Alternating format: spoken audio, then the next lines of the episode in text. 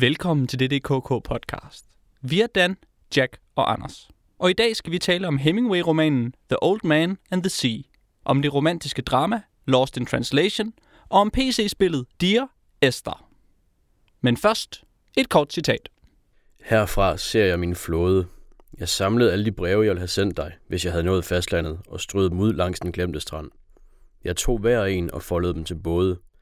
Jeg foldede dig ind i papiret, og da solen gik ned, satte floden sejl. Sønderrevet i 21 dele har jeg overdraget dig til Atlanterhavet, og her har jeg siddet og set til, mens du sank. Hvilken entusiasme, Dan. det er som om, der slet ikke er noget, der inspirerer dig. Det er som om, at, øh, at jeg er inspireret af ingenting, måske. Ah, af ingenting. Det forstår jeg ikke. Vi skal vel tale om noget i dag, skal vi ikke, Jack? Nej, ingenting. Ingenting. Det handler ikke om noget. Der var bare nogen, der lige kom forbi, så gik de lidt rundt. Det er det. Jamen, øh, nå. Men så kan det være, at, øh, at, at vi ikke behøver at tale om The Old Man in the Sea og Lost in Translation og Dear Esther. altså nu hvor vi alligevel har oplevet dem, så kan vi vel lige så godt. Altså, de handler selvfølgelig om ingenting, muligvis. Men øh, vi kan give det et forsøg. Vi skal jo på en eller anden måde bevise, at vi har siddet i studiet i halvanden time, uden at lave noget. Godt. Så kan vi lige så godt tale halvhjertet om dem. Jamen, så bliver det det, vi gør. Øh, ja, som nævnt. Hemingway, The Old Man in the Sea. Øh, Coppola, Lost in Translation. Og øh, Chinese Room, Dear Esther. The Chinese Room. The Chinese Room med spillet Dear Esther. Det skal vi tale om i dag. Inden vi skal tale om det, så skal vi tale om, hvad øh, vi har lavet siden sidst. Jack, vil du lægge ud? Penny Arcade er en tegneserie på internettet, som... Eller, det var en tegneserie på internettet. Nu er det et medie-imperium, kalder man vist den slags ting. Øhm, en af de ting, de har lavet med deres imperium, er en reality-tv-serie, hvor de gerne... Eller America's Next Top Model, eller sådan noget.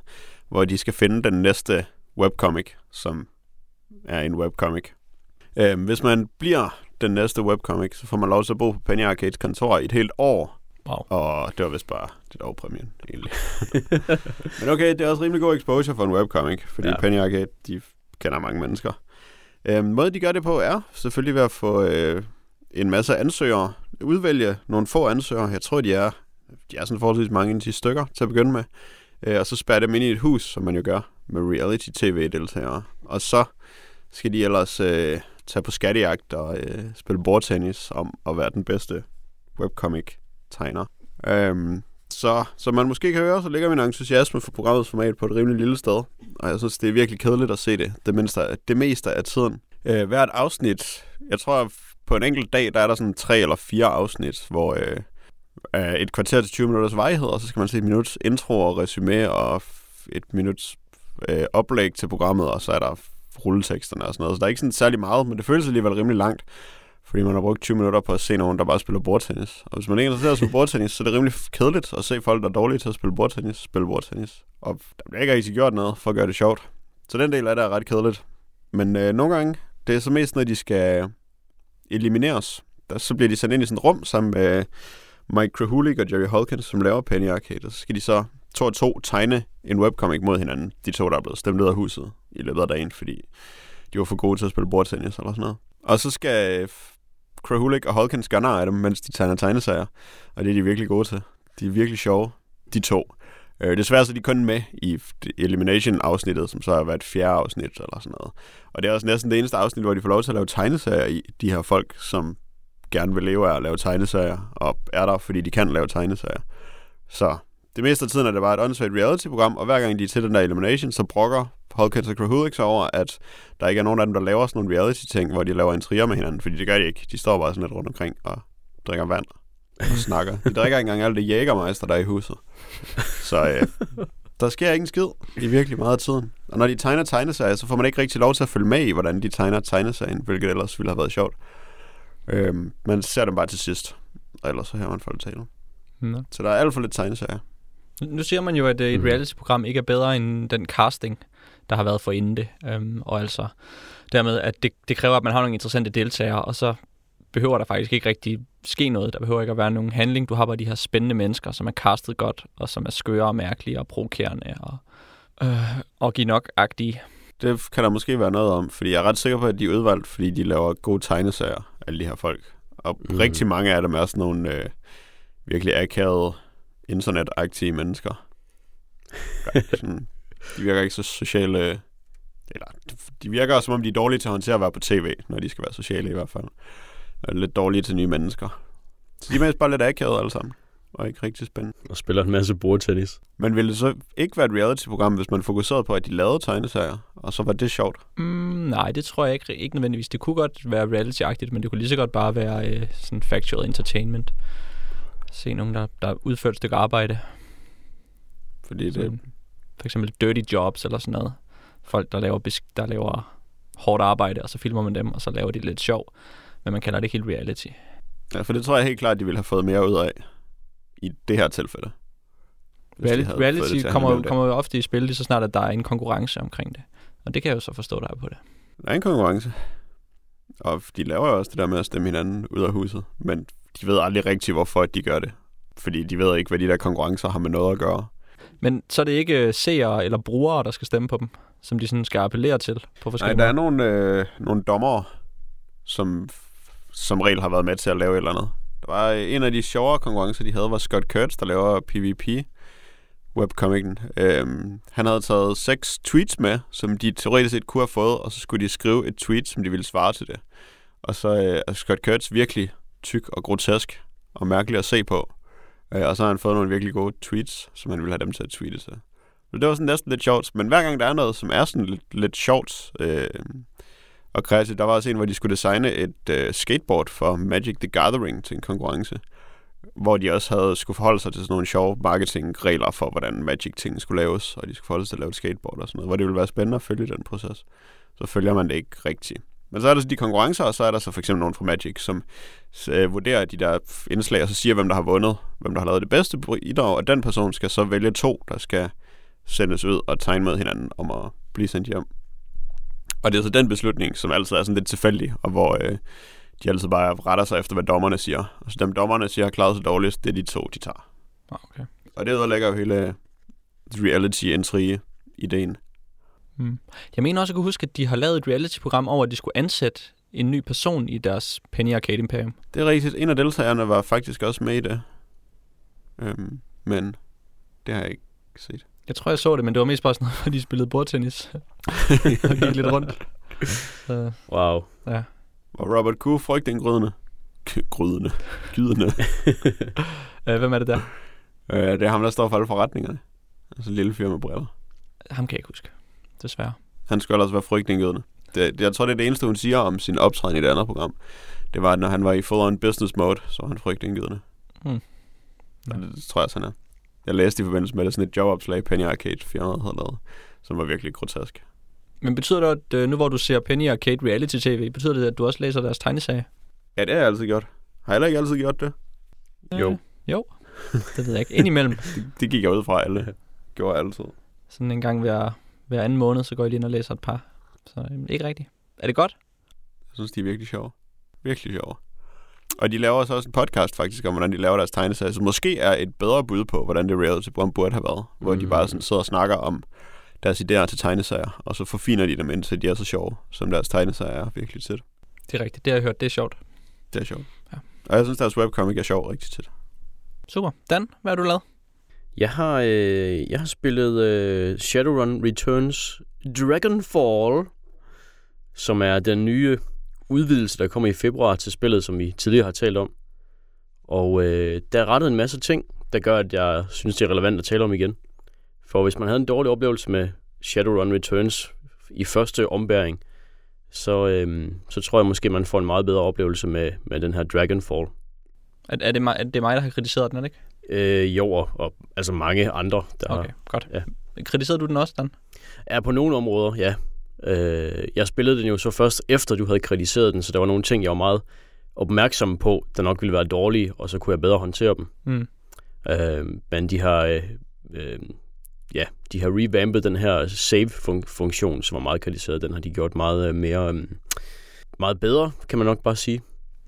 Så Man, man kan save. Ja, man kan gemme. altså, øh, man kan gemme sit spil i de fleste tilfælde, og, øh, og det er ret godt. Og øh, historien er, er struktureret på en... Altså, det er sådan en ny historie, øh, den er struktureret på en bedre måde, øh, synes jeg, og der er et større, det er som om den, den tager fat i et større univers, en større tematik, og man vil mere Shadowrun-agtig på en eller anden måde end den første historie.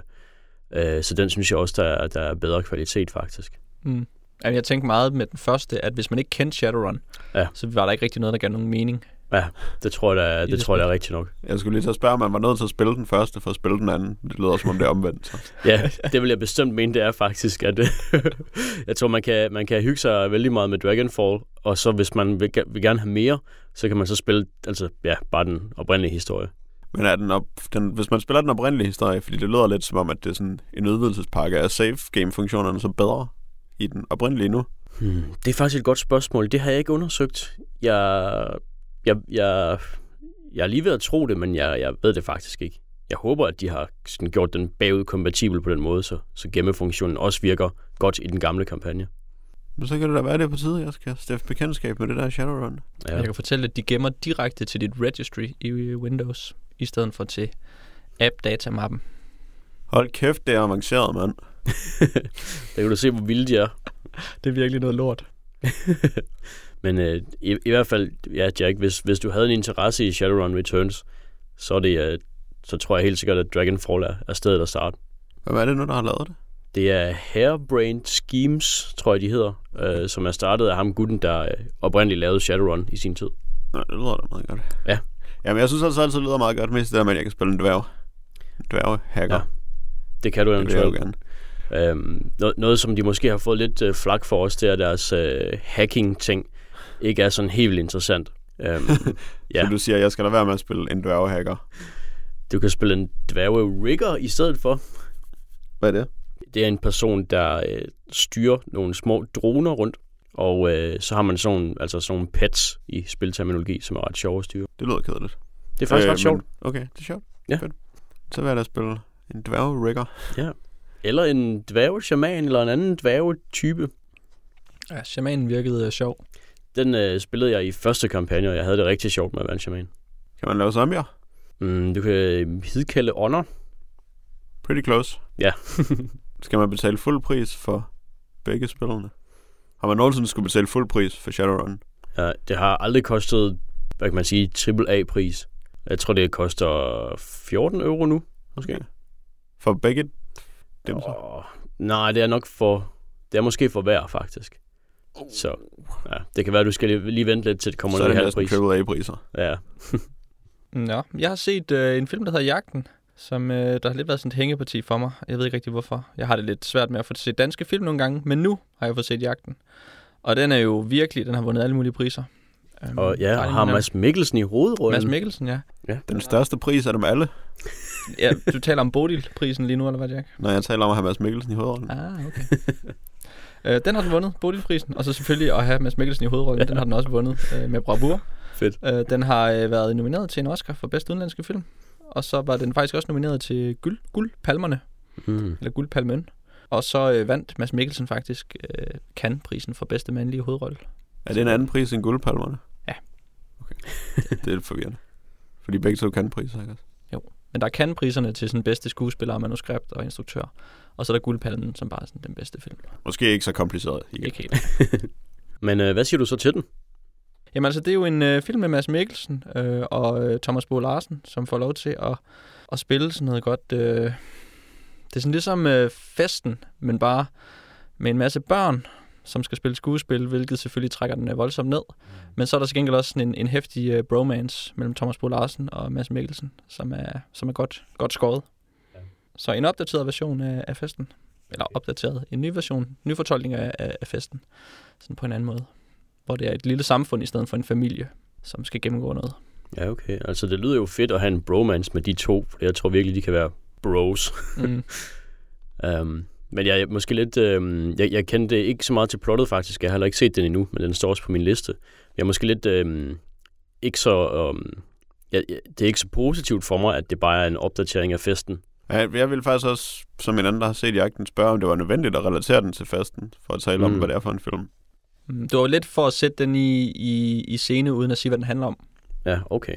Fordi jeg gider ikke sige, hvilket tema den behandler, fordi det er så vildt kedeligt. Ja, yes, det er en mærkelig måde at sætte den i kontekst på, for jeg synes måske egentlig ikke, altså jeg tænkte ikke rigtig på festen, da jeg så den, Okay. andet end at det er Vinterberg, der har lavet den. Så han kan lave en god film. Så kan man hele tiden krydse fingre for, at han måske laver en god film igen. Ja. Øh, og jeg synes også, at jagten var meget god, uden at, være, uden at få mig til at tænke på festen på noget tidspunkt, tror jeg. Men den har måske... Altså, den har lidt af det der med folk, der sådan er spærret ind i et rum, og har alle følelserne mm. mod hinanden. på den måde minder de okay. Måske om hinanden, men det er der måske mange film, der har. Ja. Det er sådan et spejl, et spejl på, sådan et troldspejl på samfundet, som virkelig øh, viser en, øh, en, øh, et, et skrækscenarie for, hvor galt det kan gå i vores ellers idylliske Danmark. I de henseender, så okay, så kan jeg godt lide, at den minder om festen, tror jeg. Den minder ikke sådan så meget plotmæssigt om festen, måske. Den har Man en kan helt godt se anden i nogle øh, af sine- plotudvikling, ja, det er korrekt. Ja. Ja. i nogle af sine temaer, så er der ligheder. Ja. Ja. Og i hvor persondrevet den er. Måden, måden festen eskalerer på er jo, er jo helt, helt unik og helt speciel. ja. Der vil jeg ikke mene, at den her film den har samme tempo og, og samme udvikling. Så han vælger den anden tale til middagsbordet, altså. Jeg, jeg synes også, at den er god. Og det er, altså især fordi, at det er de to, der spiller skuespil på hinanden Mm. i rigtig meget af filmen. Og det er fedt at se. Det er det. Det er lige ved, det fik mig til at få lyst til at se teater, Mm. faktisk, at se den her film. En Må jeg nok sige. Lige ved. Men, øh, men der er godt nok også Skal mange børn i. finde en film mere, der kan skubbe dig ud over kanten. Ja. så er du et teaterstykke. Så gør du det aldrig igen. Sikkert ikke. Nej, så det var, øh, det var jagten. Den kan man jo se. Sejt nok. Så Jack, har du mere? Øh, ja, jeg, det er sjovt, at sidste gang, der nævnte jeg Batman Arkham Origins. Øh, Og så snakkede vi lidt om, hvordan det var sådan lidt et halvt spil, og du fortalte noget om, hvordan at det var man nødt til at gøre nogle gange, fordi spil var for dyre, og så var man nødt til at lave halvandet spil, hver gang man lavede et spil for at få råd til det. Og jeg, kan ikke, jeg husker ikke, at det er en tendens, jeg sådan har stødt særlig meget på i andre sammenhænge før. Men det næste spil, jeg vælger at give mig til at spille, er så et særligt gralt eksempel på netop det. Øhm, det er Saints Row 4, som jeg jo efter at være blevet utrolig positivt overrasket over, at træerne virkelig havde glædet mig til at spille. Men det viser sig, at det er, øh, det er virkelig træeren, men som er en række ændringer, som øh, for det meste er dårlige, synes jeg.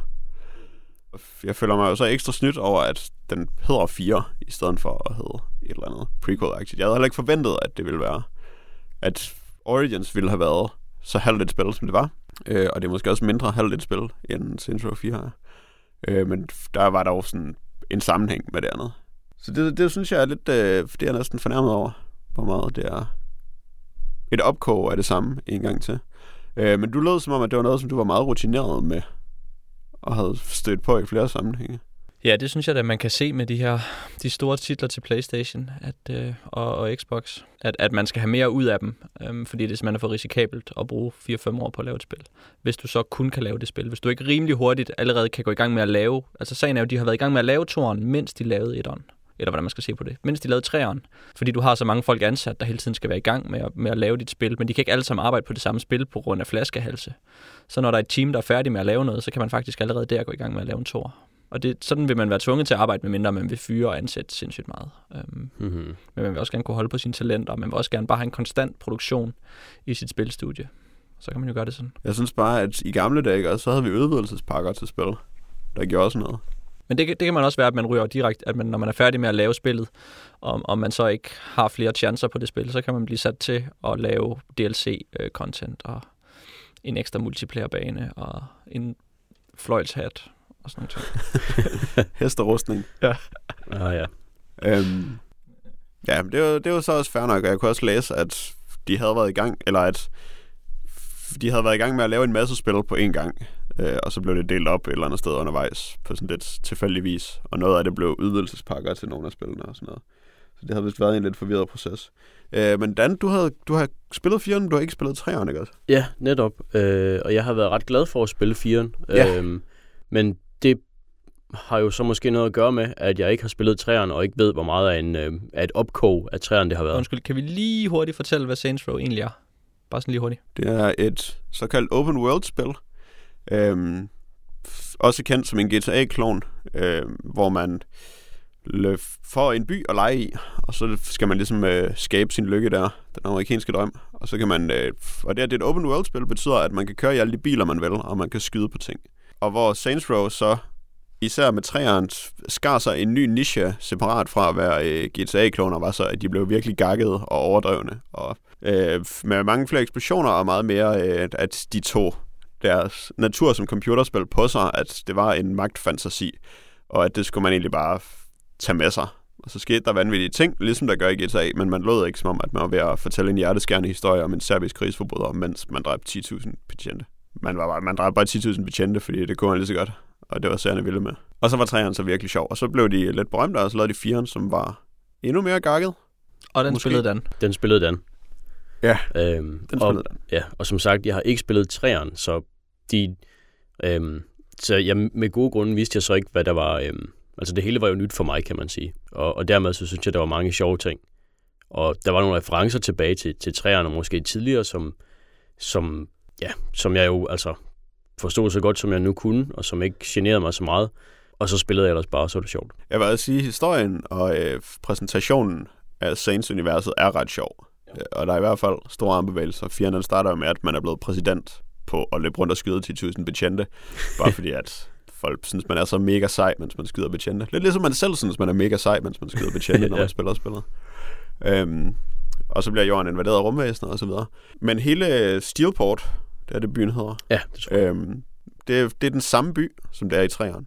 Og sådan selve byen er bare en rimelig stor del af et open world-spil. Altså den åbne verden, man har spillet rundt i, er måske det vigtigste i spillet. Og den er så main til, bortset fra, at der lige er sat sådan nogle brumvæsenbygninger ind enkelte steder. Og hele, alle minigamesene er mere eller mindre de samme, som det var i det andet spil, bare sådan pakket lidt ind på en anden måde, hvilket det ikke er overraskende. Og så noget, som jeg synes var meget irriterende, var, at det nu er en computersimulation, det meste af spillet foregår i.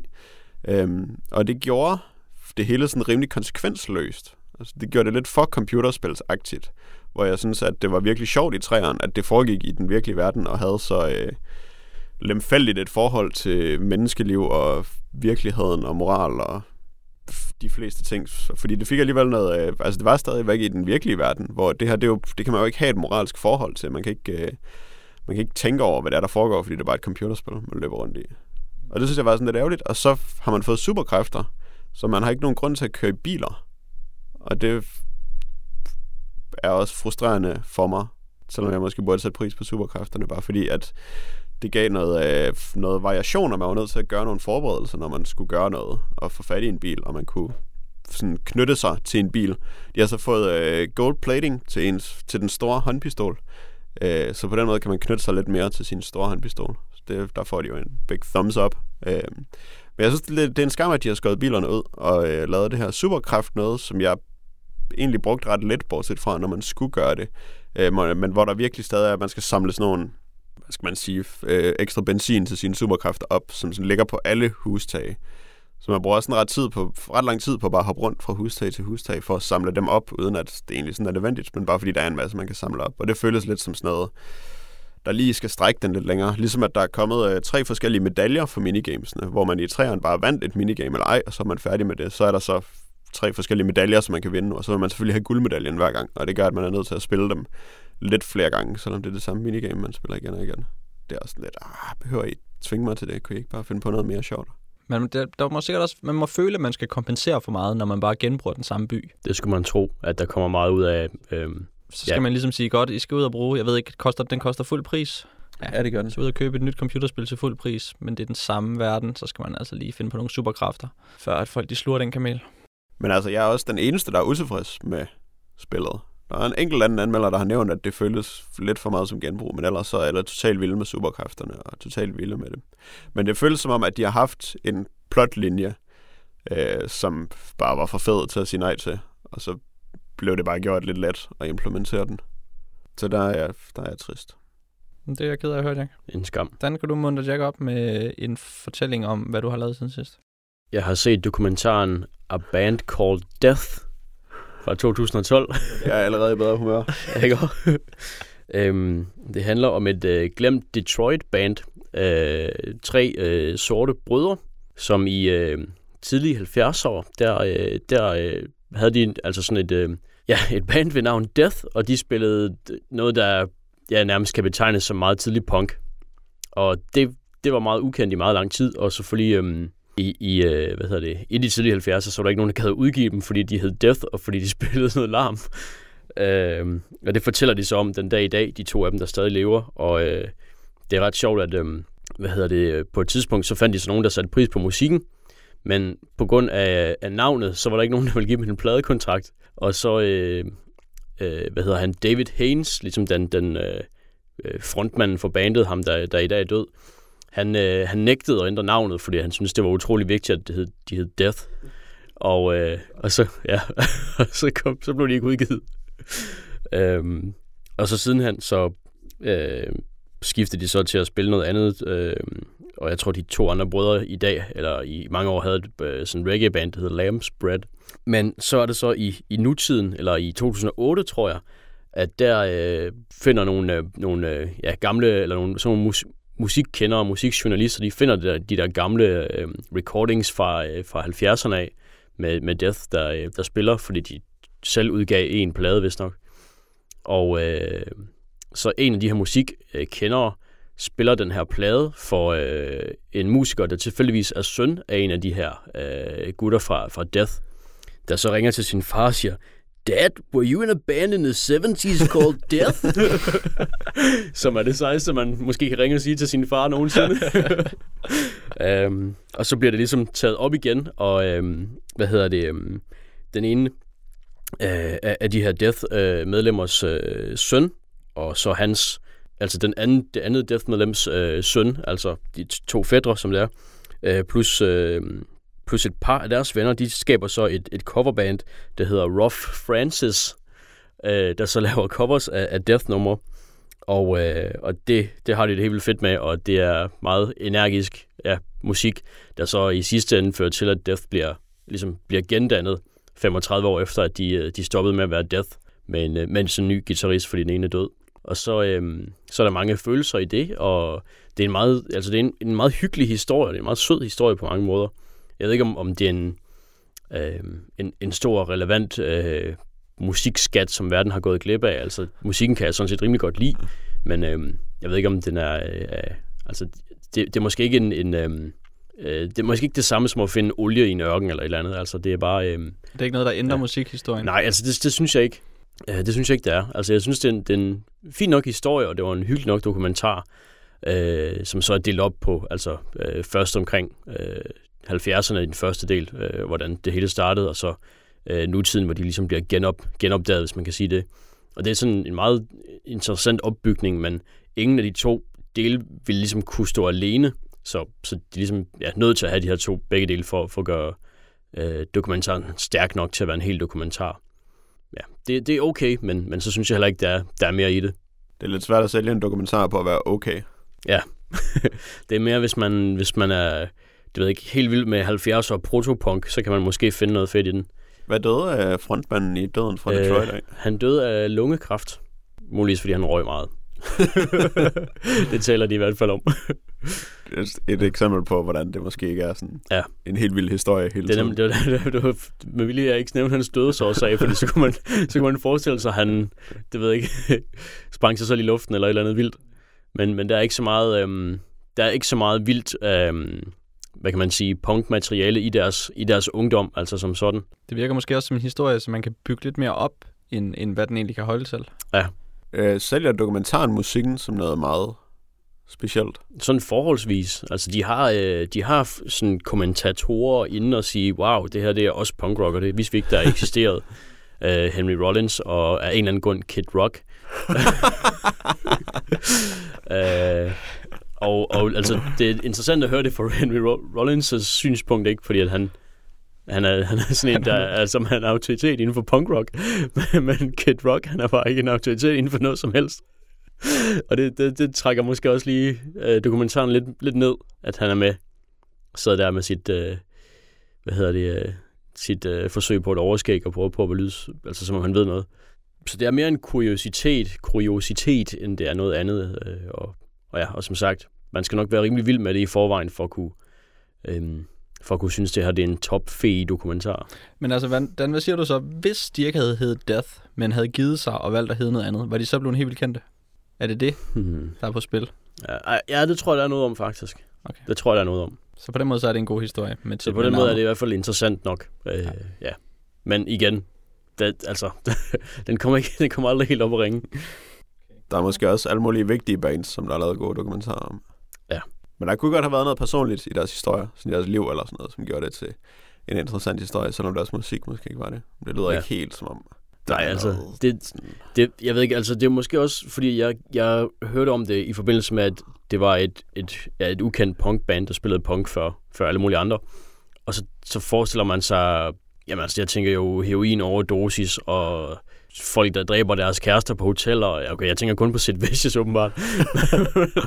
Men jeg tænker, jeg tænker nogle, nogle meget vilde ting ind i det, og, og de her, de er sådan en del mere øh, laid back øh, folk, der, der selvfølgelig skal have lov til at spille den punkt, de nu har lyst til.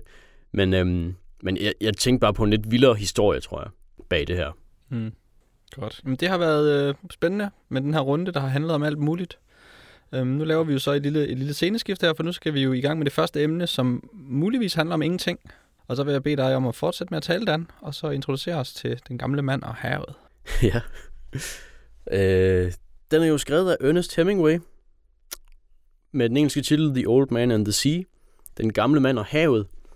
Det er øh, den titel på en på et litterært værk, jeg hader mest i verden. jeg synes, det er simpelthen så psykopatisk kedeligt at kalde øh, en historie for Den gamle mand og havet. Øh, jeg kan huske, at jeg så den for første gang helt tilbage i øh, folkeskolen på skolebiblioteket. Jeg ved ikke, hvorfor den, hvad den lavede på et skolebibliotek dog, men øh, ved siden af, af, af altså Dennis Jørgensen bøger og øh, øh, Mary Shelleys Frankenstein og sådan noget, så står der bare en historie, der hedder Den gamle mand og havet. Jeg kan bare huske, at jeg kiggede på den der, den der ryg, og så tænkte jeg bare, hvem fanden gider at læse det?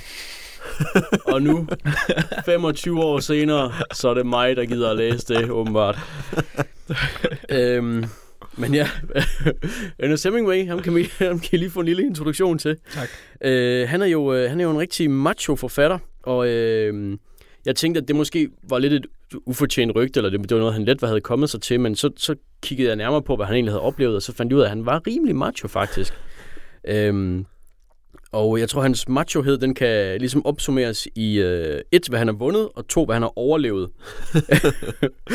han har vundet en sølvmedalje for tapperhed i 1. Verdenskrig, en bronzemedalje for tapperhed i 2. verdenskrig, han har vundet Nobelprisen, og han har vundet en Pulitzerpris for den gamle mand og havet.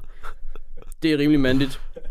Han har overlevet at skrive 10 romaner, han har overlevet at skrive 10 novellesamlinger, han har overlevet tre krige, tre skilsmisser, to biluheld, to flystyrt og fået et ovenlysvindue i hovedet, og så har der været ild i ham tre gange. det er en mandig mand. øhm, hans måde at, at fortælle på, det er en, øh, hvad kan man sige, eller hans måde at skrive på hedder det, det er, at han, han bruger simple sætninger, som, øh, hvor han prøver at få meget ud af meget lidt, som han har vist engang har udtalt.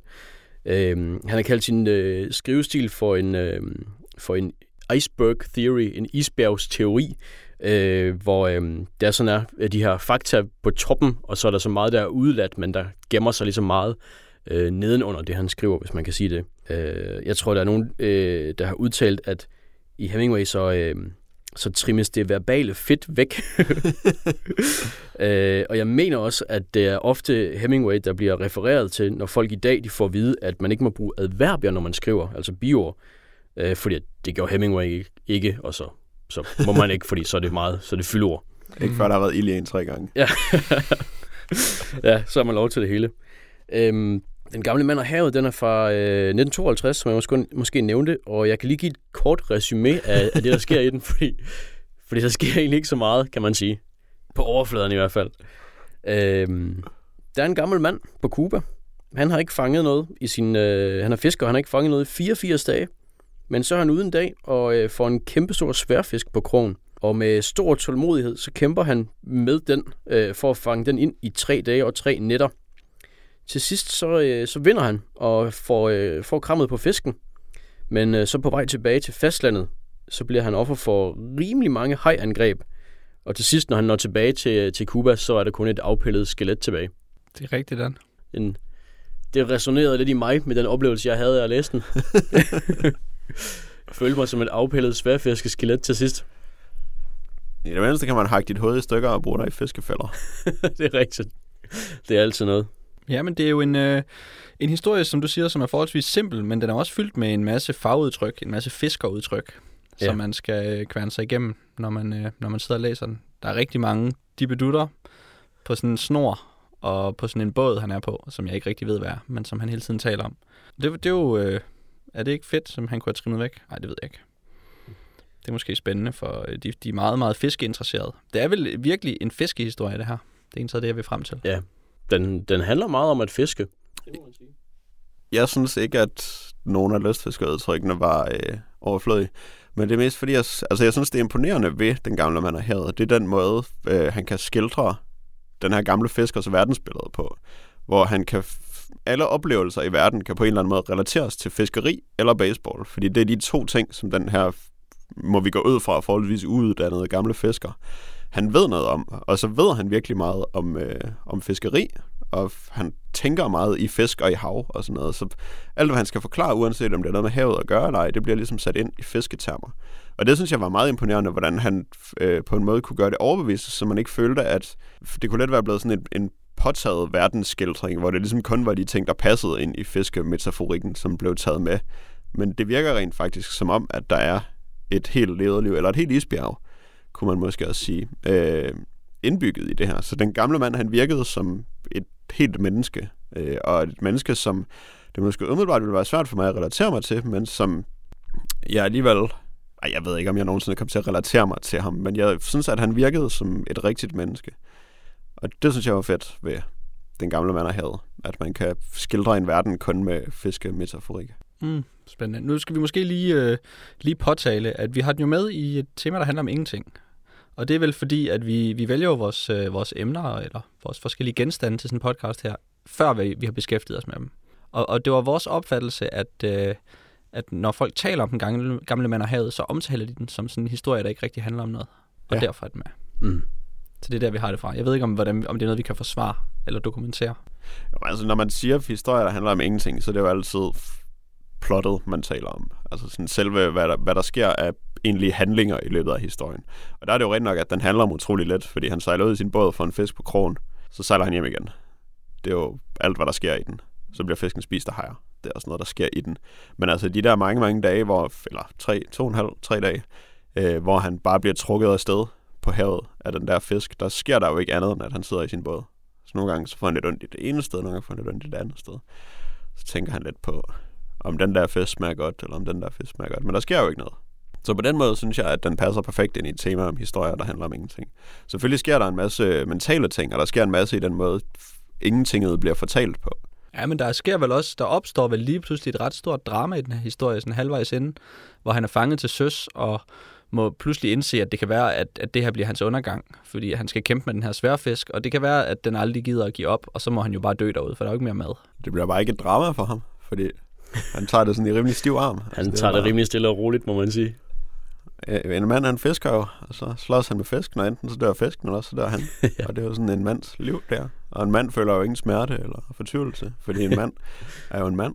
Det, er det gør mandlige ting. Det, måske vi kan, vi kan angribe den, den karakteristik lidt, den her, den her person, som Hemingway skildrer for os, den her fisker, som jo er, han er virkelig overlegen på mange punkter. Ikke? Hvis vi forestiller os, han, han er en virkelig gammel, en gammel mand, som har, har levet et, et, et fuldt liv, øh, og så er han stadig i komplet balance med sig selv og med naturen, og han accepterer sin egen rolle som en, der er gammel, og han øh, vil gerne efterlade en bedre verden til dem, der er unge, og han behandler de her fisk med den, og naturen med den størst mulige respekt. Øhm, altså, er han, ikke, er han ikke næsten for meget et glansbillede?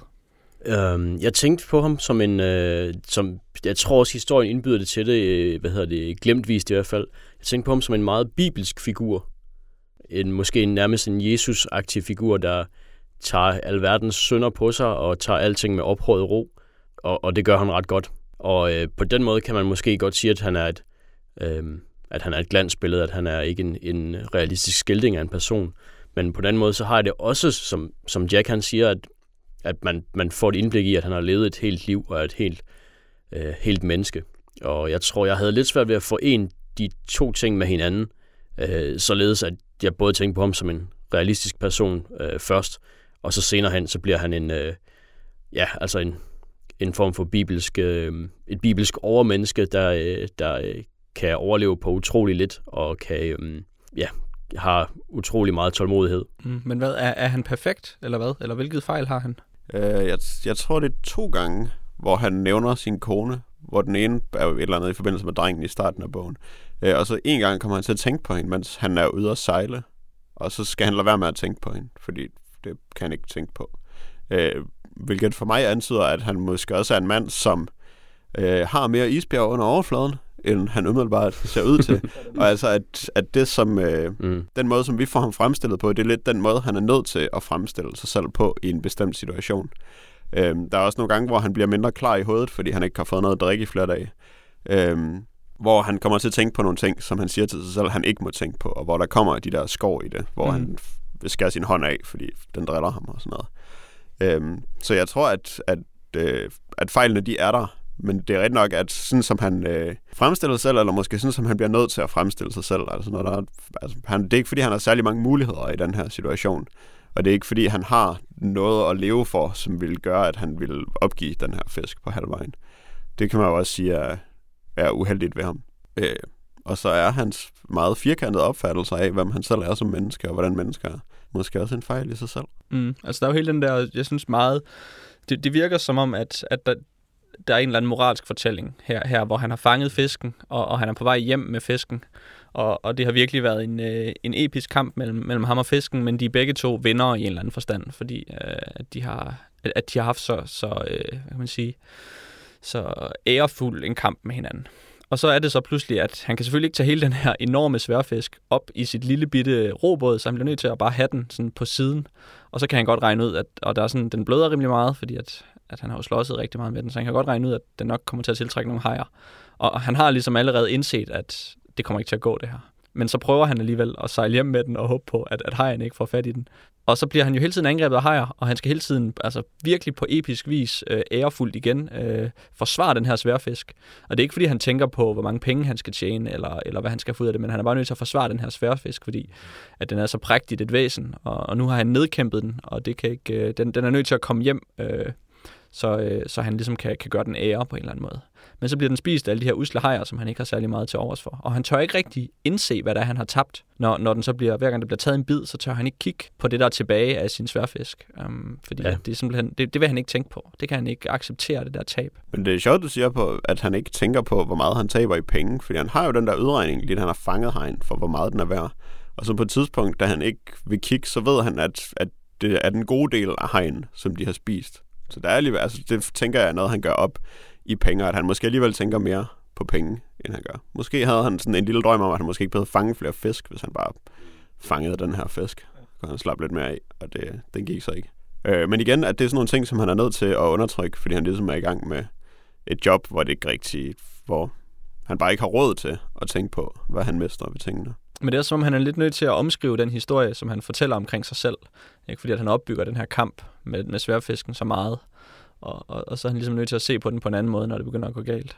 Og så til sidst, så vil han slet ikke indse, hvad der er sket. Så kommer han hjem og sover. Ja, fordi alle hans beskrivelser af, hvordan, altså hvad det er, der foregår, som han har, mens han fisker hegn, hvor den, eller sløder, hvor han fisker fisken, mens den trækker rundt med ham. Øh, der ved han jo hele tiden meget om, hvad der foregår i den her historie. Hvordan det er en ærefuld kamp mellem ham og broderfisk. Øh, og det forsvinder så, så snart hejerne begynder at spise den. Så det er bare sådan lidt sådan en skadedyrs metaforik måske om noget. Og ellers er det bare ting, der sker, uden at det er i en større kontekst, som det var før. Ja. Så ja, han omskriver klart historien om, ja. hvad der foregår. Jeg tænkte, at der var på et tidspunkt, hvor han måske føler sig selv mere beslægtet med hejerne end med fisken, og det kan han ikke lide. Mm. Jamen, det er jo klart. Men det er jo også det, er jo det mærkelige ved at være fisker, i sammenlignet med for eksempel at, at dyrke landet og jorden. Så er man jo bare en, der går ud og tager noget hele tiden. ja, det kan man godt sige. Det er muligvis problematisk. Hvad, hvad tror I om drengen? Synes I noget om drengen?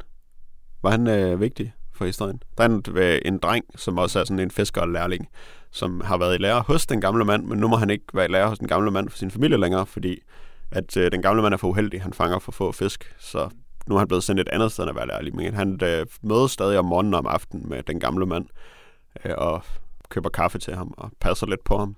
Altså, det, er jo, det er jo en rigtig god karakter til at vise forskel mellem en ung og en gammel fisker. fordi at han hele tiden kan, kan tale og undre sig over og spekulere over, hvordan det ville have været herude, da han, var, da han slår sig med den her sværfisk, og hvis han havde haft den unge dreng med sig, hvordan det havde været så let, og han kunne gøre alt muligt.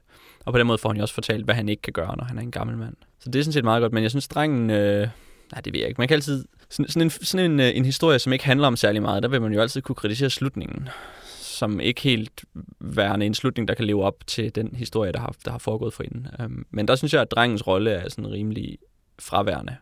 At han bare begynder at græde, og så er det sådan lidt sørgeligt. Men jeg får ikke rigtig, jeg forstår. Jeg tror måske ikke, jeg forstår, hvad der sker til sidst. Hvad er han egentlig så ked af, ham drengen? Ja. Hvordan er det, ja? Han, han, øh, han kommer ind og ser, øh, da fiskeren kommer hjem ved midnat, så kommer en dreng ind om morgenen øh, til ham og ser, at han er der igen. Mm. Og så henter han kaffe til ham, Ja. Og så sover han selvfølgelig i lang tid. Og så græder han over, at hans hænder er helt, øh, helt smadret. Og gør han mere end det? Han giver noget kaffe, og så Ja. skal han give besked om, at Pedrico, han gerne må pakke sværfiskens hoved i stykker op rundt i ja. fælderne. Ja. Og så skal han hente aviserne med de nye med baseballresultater, fordi Det er det han har været væk. Og så tror jeg, de sidder og snakker om, at de skal ud og fiske til sidst. Åh oh, ja. ja. Ja. Og den, øh, drengen, han vil så gerne fiske med den gamle mand igen. Og så er han ja. ligeglad med, hvad hans familie siger. Det er rigtigt, i modsætning til før. Ja, så er der, er der noget, ændrer det noget, at, øh, at øh, vores gamle mand har været ude i de her tre dage? Kommer han situationen til at ændre sig efter det her? Der er jo tydeligvis sådan en øh, fader-søn-ting mellem de der to, øh, som også, Ja. som Anders sagde, i forbindelse med, hvad det er, han har mistet på sine gamle dage, altså mangler han en arving tydeligvis. Ja. Øh, eller det vil være let at påstå. Øh, og at han fortryder, at han ikke har fået nogen børn på en eller anden måde, mens han hele tiden savner at have drengen. Og så får han jo et barn til sidst, da Ja. drengen beslutter sig for at blive hans fiskerlærling i stedet for nogen andres. Så det har han måske vundet på sin øh, episke kamp. Har, har han tabt noget ære til sidst her? Er han til grin i, på Kubas kyst?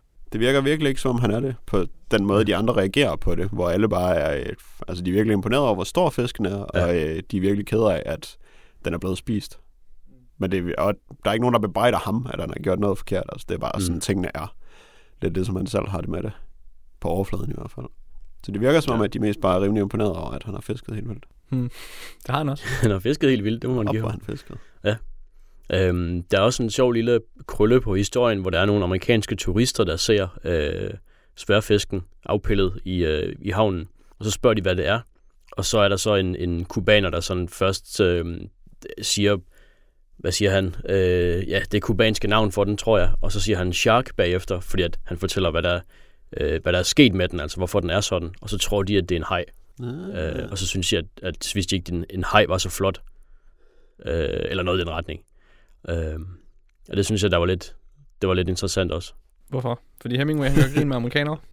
Nej, nej fordi at, så det, øh, altså i og med, at manden, øh, den gamle mand, han havde identificeret sig så meget med fisken, og så kommer der nogen udefra, der ikke ved noget om fiskeri, og så kan de ikke se forskel på en sværfisk og en haj.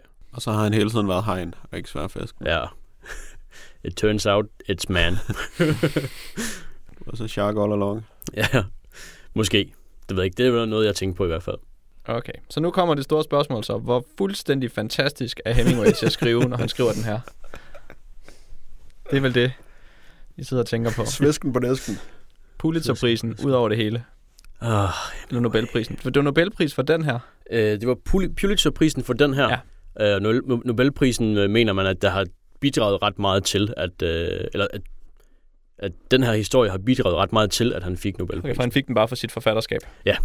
Det gør man vist med Nobelprisen. Ja. Det tror jeg. Det er rigtigt. Ja. Så er du... Øh, er din hjerne Forstår du nu, blæst? hvorfor den står på øh, skolebiblioteket?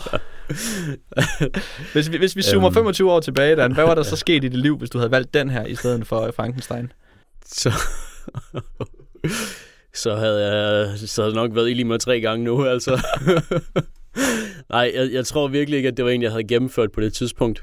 Øh, og jeg har jo sidenhen læst noget andet Hemingway, blandt andet, hvad hedder den, The Snows of Kilimanjaro, som jeg synes, der var ganske god. Øh, så jeg kendte hans stil, og jeg synes også, at hans, hans måde at skrive på har en vis, altså det har noget, det er interessant, selvom det ikke er noget, jeg, jeg som sådan vil, vil opsøge normalt. Men øhm, jeg synes, at den her historie var, øh, var ret lang at komme i gang med. Øh, jeg synes, øh, den første del er meget lang, og der synes jeg, at, øh, at jeg begynder at falde lidt hen, før der begynder at ske noget. Og så mens der sker noget, der, der jo som, som sådan ikke rigtig er noget, der sker, så begynder jeg også at falde lidt hen. Og i slutningen, så, øh, så, er jeg, så er jeg træt. Falder du lidt af? Øh, så jeg, jeg, synes, jeg, synes, det var, øh, jeg synes, det var for langt. Okay. Vil du have lov til at sige, hvad du synes, for jeg siger, hvad jeg synes? Jamen, jeg synes faktisk, at, øh, at, at, jeg var, øh, at jeg var godt underholdt, og jeg synes, at det var sådan rimelig spændende i starten, hvad der skulle ske. Øh, og så når han kommer i den her dyst her med sværfisken, så er jeg sådan set øh, så er jeg, så er jeg på krogen, kan man sige, derfra. Og så bliver jeg øh, ret betaget af den her, af den her historie omkring, hvordan hejerne æder den, og, og hvordan han reagerer på det. Det synes jeg faktisk også er spændende, uden helt at kunne forstå det. Og så en, en, en mild og blid slutning, som bare sådan får historien til at stoppe. Og så efterlader den mig måske ikke med særlig meget, udover øh, sådan et, et, et... Jeg har et meget klart billede af den her gamle mand her, og det, det, det kan jeg godt lide at tænke på. Så det er vel positivt. Ja, det øh, er jeg sådan set enig med. Selvom jeg tror, jeg var mere øh, medrevet og rørt, i, mens han fiskede, end sådan af historien om hejerne bagefter. Hvor jeg faktisk, øh, der kunne jeg ikke lade være med ret tit at bekymre mig lidt for den gamle mand, fordi han bare han har bare været væk så længe, og var sådan en gammel mand, og han fik ondt i hænderne og ondt i ryggen og sådan noget. Og jeg vidste virkelig ikke, om han ville fange fisken, eller ej. Det virkede som om, det kunne gå begge veje. Det var også klart en styrke ved bogen. Mm. For mig, det kan godt være, det var åbenlyst for alle andre.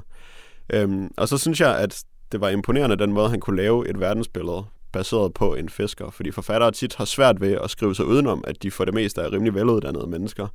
Så alle i deres bøger virker på en eller anden måde veluddannede, eller i hvert fald sådan lidt tongue-in-cheek, hvis de er, øh, hvis de er arbejderklasse. Så det synes jeg, han gjorde virkelig godt. Det øh, er jeg nødt til at have respekt for. Øhm, men ja, jeg føler måske heller ikke, at jeg sidder sådan tilbage med det helt store andet. Altså, jeg føler, at jeg på en eller anden måde lidt bedre forstår, hvorfor Hemingway er så berømt, men jeg føler ikke mere, at Hemingway er en forfatter, som jeg føler mig drevet til at se mere med. Jeg kunne godt tænke mig at læse nogle af hans noveller. Jeg synes, den er måske også lidt for lang, den her, i, i, i forhold til det format med, at det skal være... Øh, at det er så skåret ind til benet. Det tænker jeg ville fungere bedre i noveller, og jeg har læst The Killers utrolig mange gange i forbindelse med min uddannelse. Øh, uden sådan rigtig at kunne huske den, hvilket måske er et dårligt tegn, men det virkede bare som om, at det var et godt format til det, og til, øh, det gør det lettere at gribe fat i de der ting, hvor man virkelig kan se, at der er noget under overfladen, og gør det lidt sjovere at grave i det, i stedet for at skulle have alle 127 sider og grave i alle dem på én gang. Det bliver lidt bøvlet, når man virkelig kun får toppen af isbjerget. Så øh, Hemingway er nok en god forfatter, selvom han måske ikke lige er min kop te. Altså jeg vil sige, jeg nåede så lige at gå i gang med at høre lydbogen. Lydbogsversionen af Farewell to Arms. Um, og, og der vil jeg sige, at hans, hans isbjerg-teknik gør, at der ikke bliver udrettet nogen form for personbeskrivelse overhovedet mm. af alle de karakterer, som flyver ud af en af historien. Og det gør, at den er virkelig lidt vedkommende. Det kan godt være, at han ikke, at han ikke begår sig særlig godt på, på lydbog, fordi der, der bliver tempoet ligesom øget, og man får ikke lov til at tænke over alt det under ja. overfladen. Hold kæft, den er god, den med så for, var. Man kan bare bruge den. en en kan. Um, Helt vildt. Men øh, så, så, så det kan godt være, det er, en, det er et problem med lydbøger, at man skal have tid til at sidde og tænke lidt mere over, hvad det er, han egentlig siger, når han siger noget. Eller hvad det er, han mener, når han skriver noget. I stedet for bare at have fem mennesker, der taler i munden på hinanden, og man aner ikke, hvem nogen af dem er. Men du siger, du kun har hørt starten af den? Nej, altså, jeg tror, jeg har hørt de, 20-30 procent af den. Okay. Ja, så vil man måske også godt snart have, at man ved, hvad der foregår. Mm. det er helt sikkert. Nå, men der foregår ikke rigtig noget. Jeg ved bare ikke, hvem alle de folk er. Eller jeg ved godt, sådan, hvad deres profession er, og hvad de hedder. Hvem læser den? Det kan jeg ikke huske. Så ja, det var vel så øh, vores gamle mand og havet. Øhm, muligvis handler det om ingenting, men den handler også rigtig meget om at fiske. um, så der kan man bare se. Nu skal vi øh, tale om filmen Lost in Translation. Det er en øh, komediedrama, instrueret af Sofia Coppola. Øh, man omtaler hende altid som datter af Francis Ford Coppola, men det er måske ikke nødvendigt at gøre længere. Øh, hun har en, en, en ret flot karriere efterhånden. Hun startede ud som skuespiller og model, men så øh, lavede hun filmen Virgin Suicides tilbage i 1999. En helt fantastisk øh, drama om, øh, om en, øh, nogle unge piger, som øh, ikke må socialisere, men så snyder sig ud og begår en masse forskellige øh, narestreger og kommer i problemer. Og en meget, meget, meget, meget flot historie. Um, og så gik hun så ud her i, to, for, i 2003, det er så ikke lige her, for 10 år siden, og lavede uh, Lost in Translation, um, den som vi skal tale om lidt. Og så fik hun en masse succes, og fik en masse penge, og fik lov til at lave storfilmen Marie Antoinette, som vist ikke helt gik så godt, uh, som den skulle gøre. Um, så har hun lavet Somewhere, en fin lille, igen, dramakomedie med Steven Dorff blandt andet. Og så har hun lavet The Bling Ring, som jeg ikke har set endnu, men som jeg glæder mig til at få set. Godt navn i hvert fald. Ja, ikke? Det er en, øh, en historie, som handler om en mand, som er øh, skuespiller, og han øh, tager til Tokyo for at være med i en reklame for noget whisky. Øh, Santoro øh, hedder, hedder virksomheden ejer det. Jeg tror faktisk, det er en, øh, er det en Hibi, Hibiki, eller hvad den hedder. Den knap så kendte af de tre japanske brands for single malt whisky, som han skal reklamere for. Øh, og i den øh, forbindelse, så bor han på et hotel, øh, hvor han render ind i en, en ung pige, eller en ung dame, der er øh, også bor på samme hotel, men ikke rigtig laver noget, fordi hendes mand er fotograf.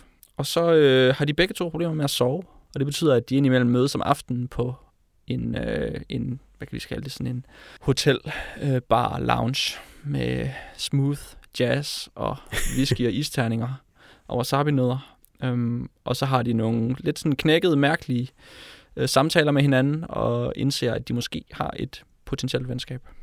Og så følger vi det øh, korte venskab over en periode på to-tre dage, tror jeg, hvor at, øh, de laver nogle ting sammen. Der sker ingenting med andre ord. Var det en god film, Dan?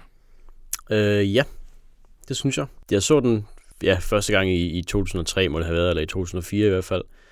Og der synes jeg også, den var rimelig god. Og så så jeg den så selvfølgelig her igen. Og øh, jeg tror måske, jeg bedre synes om den anden gang.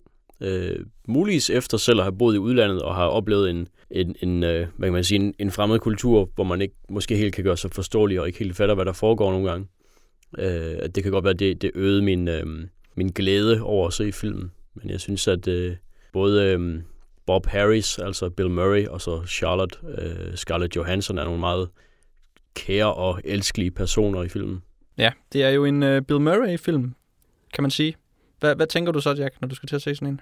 Jeg ved det ikke helt. Jeg, jeg tror, øh, jeg føler mig sådan lidt andenhåndsdistanceret til Bill Murray-fænomenet. Hvor jeg føler, at jeg har sådan en masse associationer, som det er på en eller anden måde andre mennesker, der har givet mig. Hvor jeg har fået at vide, hvor fantastisk Bill Murray er. Øh, og så tænker jeg på, hvor fantastisk andre synes, han er, så jeg føler mig forpligtet til at synes, at han er vildt sej, når jeg skal se en Bill Murray-film. Øh, Lost, Trans, Lost in Translation, der er han vildt sej, i hvert fald. Øh, så jeg synes, den leverer helt klart på øh, ideen om Bill Murray. Hvad er det for en zombiefilm? Er det Zombieland? Ja. Hvor de besøger ja. Bill Murrays hus, og hvor de har sådan en helt meta-ting med, hvor sej Bill Murray er. Øhm, som hele tiden gør mig så lidt bekymret over for, at synes, at Bill Murray er sej, men altså det, det er han jo. Ja, han er vel lidt, lidt blevet et, øh, et ikon for, for deadpan-komedie, og for øh, en form for fysisk komik, som måske ikke har det så godt nu om dagen, men som han kan på en eller anden måde bidrage til. The New Walter Matthau. Ja. og det, det, er, det er vel også en, en smule af i den her film, ikke særlig meget, men altså bare en scene, hvor han skal tage et brusebad, og bruserne er sat lidt for lavt. Og Scenen med den prostituerede. Ja, okay. Ja, den er sådan lidt mere... Den er fysisk. Den får hele armen. ja. Man falder på halen komik. Det er rigtigt. Ja. Øh, ja, men jeg synes, hans deadpan komik, eller det ved jeg ikke, om det er komik, men sådan, når han sidder og surmuler, hvilket han jo gør i 85 procent af den her film i hvert fald, øh, så sidder han jo bare og ser virkelig ikke glad ud. Og så ser han virkelig ikke glad ud, men han gør det på en meget lidt anmæsende måde. Bill Murray virker meget ensom, når ja. han er trist. Og det passer jo godt i en film, der handler om, at han er ensom og trist. Det er rigtigt. Jeg er faktisk lidt spændt på det, du sagde før, Dan, med, med hvordan det er, øh, hvordan man tænker på, eller ser den her film, når man før har opholdt sig en længere tid i udlandet. Øhm, hvad, hvad tænker du på der? Altså er det i forbindelse med filmens særlige melankoli, eller, eller er det den her... Øh, altså den hedder jo Lost in Translation, fordi der er flere steder, hvor man bare ikke forstår, hvad der foregår. Øh, man, man er uden for en situation, eller fremmedgjort en situation. Hvad, hvad er det, der... Er de ting, eller er det noget tredje, som du tænker på, når du siger, at, ja, at du har et særligt forhold til den her film i dag? Øh, det er jo nok meget, at på, på, øh, på visse tidspunkter i filmen, så kan personerne befinde sig et eller andet sted i en anden social situation, hvor, øh, hvor for dem så virker det sådan temmelig absurd at være der, og de sådan, føler de lidt nødt til at spille med på, hvad der foregår. For eksempel, hvor, hvor Bill Murrays øh, rolle er øh, inde i sådan et tv-show, hvor det er tydeligt, at han ikke aner, hvad der sker, og, øh, og man som ser også heller ikke altså forstår, hvad det er, der sker.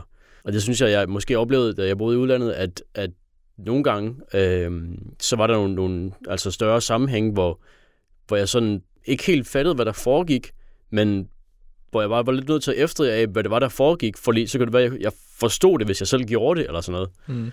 Øh, og, en vits, som alle griner af. Ja, for eksempel ikke. Øhm, og, øh, og det var sådan lidt sjovt at se, at det, det synes jeg, der er fanget meget godt i filmen her, at, øh, at ja, altså der, der sker nogle ting, som man bare ikke forstår, fordi at man er i et fremmed land og, og, ikke, øh, og ikke kan sproget, og, øh, og så må man bare ligesom få det bedste ud af det, og, øh, og nu hvor, hvor øh, hvad hedder det, i, øh, i filmen her, hvor, hvor de kun er der i, altså, det ved jeg ikke, højst et par uger går jeg ud fra, at de er der sådan alt i alt øh, i Japan. Øh, der har de slet ikke tid til at, ligesom at akklimatisere sig til, til Japan, så de når aldrig helt at forstå, hvad der, der sker, før de er væk igen. Og måske har de heller ikke den store lyst til rent faktisk at forstå, hvad der, der sker. Og, øh, og det, det forstærker selvfølgelig, at de så ikke fatter en bjælle af, hvad der foregår. Mm. Jeg synes faktisk mere, det var i de situationer, hvor der ikke var noget socialt omkring dem, at man mærkede den isolation, som jeg, jeg har ikke boet i udlandet i mange år, men jeg har været i Kina og været alene i Kina i en uge, øh, hvor jeg følte mig ekstremt isoleret. For især i de der situationer, hvor der ikke foregår noget socialt, hvor man på ingen måde er inkluderet, og hvor man bare virkelig mærker, at man har ikke mulighed for at inkludere sig i det her. Man kan ikke gå hen og spørge nogen om noget, fordi man kan ikke tale med dem, og man kan ikke... Man kan bestille en drink ved baren med lidt held. Det bliver sikkert besværligt, men øh, det er sådan det eneste, man kan gøre, og så er man bare fuldstændig afskåret fra alle dem, der er omkring en og føler sig isoleret. Måske især i de scener, hvor øh, Scarlett Johansson sidder på sit hotelværelse og kigger ud af vinduet, hvor man let kunne have en tendens til at tænke, hvorfor tager hun ikke ud og oplever noget, når hun er i Tokyo? Det lyder da mega fedt. Øh, men så er der bare den ensomhed, som er i det. Øh, Måske især, når hun har den regelmæssige kontakt med sin mand, som er sådan alt for kort og alt for håbløs, men alligevel er sådan, at der kan man interagere med et andet menneske. Og det ved hun, at det ville hun ikke kunne, hvis hun gik ud i byen, så ville hun ikke kunne forstå noget af, hvad der foregik, og den følelse ville være så stærk, at hun ikke ville kunne nyde øh, alt det, der var anderledes ved det. Mm. Vi, vi får jo ikke særlig meget at vide i filmen, men lige præcis med hendes karakter, der tager man så faktisk tid til at lave et lille setup, og, og lade hende være ude og besøge et tempel, og så øh, lade hende indse, at hun ikke føler noget, og så har hun faktisk også en te- telefon øh, opkald hjem til sin mor, som så overhovedet ikke forstår, hvad der bliver sagt, men hvor hun får sagt, at hun var ude og besøge et tempel, og hun følte ikke noget. Så, så det er faktisk en af de steder, hvor filmen den, den, den lige får, får forklaret os, okay, hun, hun får ikke noget ud af at være turist, så hun er fanget på det her hotelværelse. Og hun er... Øh Undskyld min sprogbrug, hun er ved at skide på flere måder. altså i den der korte samtale, hvor hendes mor ikke hører efter, hvad hun siger, og hvor hun ikke rigtig får forklaret mm. noget, så får hun alligevel nævnt det der med, at hendes mand bruger alle mulige hårprodukter, og hun ved ikke, hvem hun har giftet sig med. Ja. Fordi hun kan jo heller ikke dele, altså det hun oplever, kan hun ikke dele med nogen, heller ikke med ham, fordi han har aldrig tid til at få delt noget med sig, og så hun kan ikke opleve noget. Øh, og det gør hende selvfølgelig også usikker på, hvem han egentlig er, fordi at det burde være let nok at være i udlandet, når man lige var blevet gift. Så skulle man tro, at man kunne have det rimelig sjovt med den, man blev gift med. Men han er sådan næsten lige så fremmedgjort fra hende, som alle japanerne er. Ja, han virker også lidt som en idiot. Det må man sige. ja. Det gør han lidt.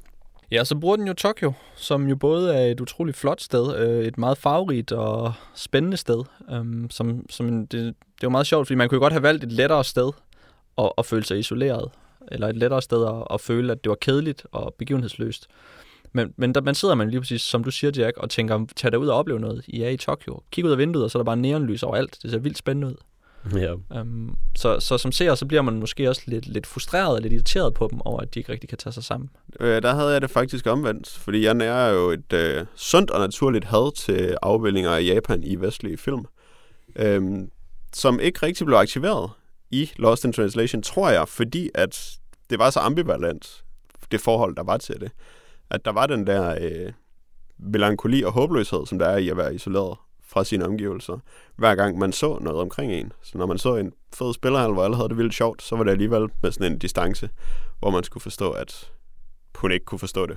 Og så var det ikke så meget øh, sådan en, en ah, se lige hvor fedt det er, alt sammen, og hvor mærkeligt og huhej.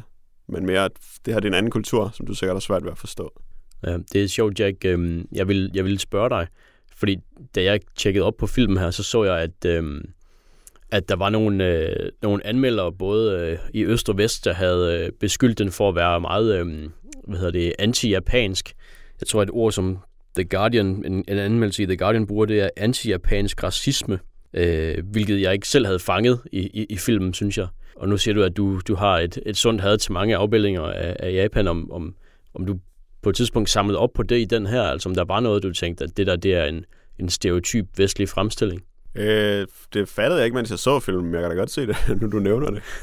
at de der japanere, der skal give ham en masse gaver og visitkort, da han kommer til Tokyo. De er nogle kæmpe idioter. og så, altså den der scene med den prostituerede, den er måske bare, det er måske ikke særlig Japan-specifikt, falder på halen komik. Men øh, filminstruktøren der, så når, øh, når japanerne taler med ham, så er det måske, det, det ved jeg ikke, det må, det, altså det er i hvert fald en ensporet fremstilling af japanere det er ensidigt, og det er vel altid sådan lidt halvracistisk. Men det er også, Men det er også også helt på- afgørende at, at, at se filmen fra vores to hovedrollers perspektiv, og se, hvordan de oplever Japan fra deres fuldstændig ensporede vestlige kulturelle perspektiv, eller amerikanske perspektiv. Så hvis den pludselig viste et nuanceret, øh, øh, relativistisk billede af, af japaner og japansk kultur, så ville den jo falde til jorden. Og jeg synes, at det bliver jo også lidt undergravet, at de så har, da de rent faktisk omgås nogle japanere socialt, som, øh, som de kan kommunikere med, og som de har noget til fælles med, så synes jeg da også, at, at det er en helt anden slags japanere. Det synes, det synes jeg gør det tydeligt, at det ikke er den eneste slags japanere, der findes, men at i hvert fald, hvad skal man sige, den sociale distance, der er, når det er nogen, man ikke rigtig kender, men for eksempel har forretningskontakter, så bliver det et mærkeligt socialt forhold, og der er en kultur, man ikke forstår. Nej, jeg tror, øh, skal vi ikke dømme The Guardian ud? Jo, men det vil jeg sige, altså når jeg bare tænker på filmen, så er det stadig et, et, pot, et postkort fra, fra Japan, som, som får mig lyst til at besøge Tokyo. Jeg synes også, der er noget meget dragende i det. Mm. Øh, og jeg, jeg, da jeg havde læst det der i, i The Guardian, så bagefter så forestillede jeg mig, at hvis filmen havde foregået i Frankrig, og det samme, altså franskmænd var udsat på samme måde, så ville, eller så ville franskmænd nok blive sure, men altså alle andre tror jeg ikke, der vil, øh, der vil tænke, åh, det er en, det er en altså, racistisk fremstilling af franskmænd. Øh, det er min påstand i hvert fald. Ja, slet ikke, hvis der var nogle franskmænd, som bare blev fremstillet som almindelige mennesker. Ja, som netop. dem, der de fester dem, de fester karaoke med. Øhm, er det her en, øh, en romance, de har, de to øh, hovedpersoner? Det er, det er et godt spørgsmål, Dan. Øhm, før jeg begyndte at læse, hvad andre folk synes om filmen, og, og hvordan den blev klassificeret, så synes jeg, at det var, øh, at det var op til debat, om der var øh, romantik eller venskab, øhm, eller, hvor- og hvor den lå mellem vores to hovedroller. Men i hvert fald, hvis man læser, hvad, hvad instruktøren selv siger, hvad skuespillerne selv siger, hvad der har været af instruktion, og hvordan at alle andre folk oplever filmen, så handler det om, om kompliceret romantisk forhold. Det tror jeg også var min oplevelse. Jeg, havde, øh, jeg har skrevet øh, romance-bromance i mine noter. jeg ved ikke helt, om det holder. Og det synes jeg faktisk er meget godt, fordi ja. Der er ligesom nogle grader af sådan et romantisk forhold, hvor der er øh, en bromance, som jo er Mhm. et meget, meget intenst forhold. En infatuation, kunne man måske sige på engelsk. Ja. Uden helt at komme over i decideret romantisk forelskelse. Øh, Og det synes jeg vil være en rigtig god måde at beskrive det her på, fordi de er i den situation, de er, hvor man naturligt, hvis man føler en forbindelse til et andet menneske, så vil den blive meget, meget stærk, fordi det, så er det. Ja. eneste, man har at føle for, uden at det nødvendigvis er tænkt som, at man skal være kærester, eller at det skal fuldbyrdes på nogle af de måder. Ja. Så i hvert fald en, øh, et venskab, som lidt går ud over det. Går ud over bare venskab og bliver bromance. Som vi jo skal forstå som et meget stærkt forhold, Ja. ikke bare som et hvilket som helst venskab. Men en platonisk forelskelse. Men, men hvad siger du, Dan? Er det her et, øh, et, et, et smukt billede af, hvordan to mennesker de kan mødes og, og, og få forbindelser til hinanden? Er, det, øh, er, er den del af det romantisk eller idyllisk? Ja, det, det er lidt sjovt, fordi det er ligesom en, en del andre ting i filmen, så er det sådan lidt ambivalent. Fordi ja, jeg synes, der er nogle smukke øjeblikke, men de, de øjeblikke, de, de, hvad kan man sige, de fremelskes af deres fortvivlelse og, deres, øh, og alle deres skavanker på en eller anden måde. Øh, med at de ikke kan sove, og de er ensomme, og, og de, kan ikke rigtig, øh, de kan ikke rigtig relatere til, til deres ægtefæller længere. Øh, så det er, jo, øh, det er jo selvfølgelig lidt trist, men så, så opstår der det her, øh, ja, det her venskab, som, som på nogle måder måske er, øh, egentlig er ganske smukt. Og øh, som jeg startede med at sige, jeg synes begge to, de er meget, nogle, nogle meget elskelige personer. Altså, jeg kan virkelig godt lide, hvordan den, den måde, de er på, øh, og deres små øh, kommentarer, og hvordan de kan ligesom gøre nar andre folk, det synes jeg, der er sjovt. Og det, det viser mig også deres... Øh, det viser hurtigt, hvad for en type de er. De er sådan privilegerede hvide mennesker, der, øh, der, der ikke har så mange problemer, udover at de ikke kan relatere til, til deres nærmeste. Og, og selvfølgelig også alle andre, fordi de er i Japan. Men jeg kan heller ikke lade være med at tænke, at forholdet er sådan lidt dødstemt på længere sigt. Altså, jeg, jeg har lidt svært ved at se, at de skulle blive ved med at være venner, når de rejser tilbage til USA, for eksempel. At de alligevel ikke har nok til fælles andet end den håbløse situation, de er i. Nej, det er sådan lidt, øh, lidt tomt, den måde, de, de kommunikerer med hinanden, og sådan lidt sjovt. De, ligesom, de griner næsten, før de har sagt noget. Det er næsten som om, det er en joke, at de taler med hinanden. Og de, kommer aldrig, altså, de bliver aldrig særligt personlige i de ting, de taler om. Det er altså sådan meget hurtigt. Altså, man siger noget personligt, og så bliver der ikke talt mere om det. Hver gang de har sådan en noget personligt. Ja, og Der er meget, der er usagt. Ja, jamen, det er der. Jeg, jeg tror helt sikkert også, at de er, øh, om man vil, to skibe, der mødes i Japan. altså, jeg tror ikke, at, at, at altså, de passerer hinanden, og så har de det øjeblik, og så er der ikke, så er der ikke mere. Øh, Og det, det, synes jeg, det synes jeg sådan set, det er meget smukt. Hvor meget en procentdel af skibene er under overfladen, Dan? Nej, okay. Det er, det, nøj, det er nok en del. En, en af de begrænsninger, som filmen jo havde sådan rent praktisk, det var, at Scarlett Johansson faktisk kun var 17 år, da de, da de lavede den her. Og hun skal så spille en, en kvinde på 25. Um, og, og det gjorde faktisk, at der var en masse skuespil, som hun ikke rigtig kunne få til at fungere. Så de var nødt til at begrænse hende utrolig meget til, til de her øhm, meget ensidige former for, former for replikker, som hun hele tiden fører af. Og det, samme, det er det samme humør, hun har rigtig meget. Og, og det er faktisk fordi, at da de lavede andre scener med hende, så virkede de ikke særlig godt, fordi at, at dem kunne hun ikke helt, dem kunne hun ikke bære. Hun er simpelthen for ung på det tidspunkt. Simpelthen. Og det er ret sjovt. Altså, hun virker også, om end endnu mere bøvet end Scarlett Johansson plejer at virke. hun er sådan ret bøvet Ja. at se og høre på i de fleste film, ja. Ja. synes jeg. Øh, og det fungerede meget godt, fordi at hun skulle være øh, forvirret og distanceret. Men det er spændende, at hun simpelthen ikke kunne spille nok skuespil til at lave alle de scener, hun skulle lave. Ja. Ja. Er det så ikke skørt at kaste hende til det?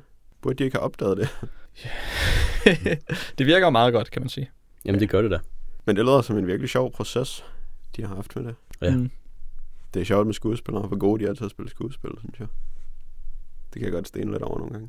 Ja. Det må man godt nok sige. Det virker som sådan en mærkelig metier, fordi det virker så indlysende, hvad det er, man skal gøre. Altså nu skal jeg lade som om, at jeg har det på den her måde. Men så prøver man selv at spille skuespil, og så er man bare tydeligvis en mand, der står og fortæller et eller andet, som han skal sige nu. Så er man lige så bøvet som Scarlett Johansson. Nej, langt mere bøvet. Fuldstændig håbløst Ja. og uoverbevisende.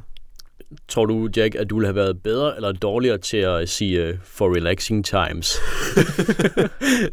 end Bob Harris? Uh, jeg tror, jeg ville have været... Altså, det er Bill Murray. jeg går ud fra, at alt, hvad han siger, er bedre end alt, hvad jeg siger. det er måske rigtigt nok. Det værste af det, Bill Murray siger, er bedre end det bedste af det, jeg siger.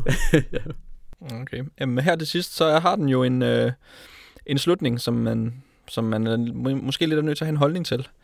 Nemlig, at, øh, at vores to karakterer mødes, og så visker de noget, som vi ikke får lov til at høre. Er det fedt, Dan? Eller er det pisseirriterende? Fordi der findes ikke noget, noget lunken svar her.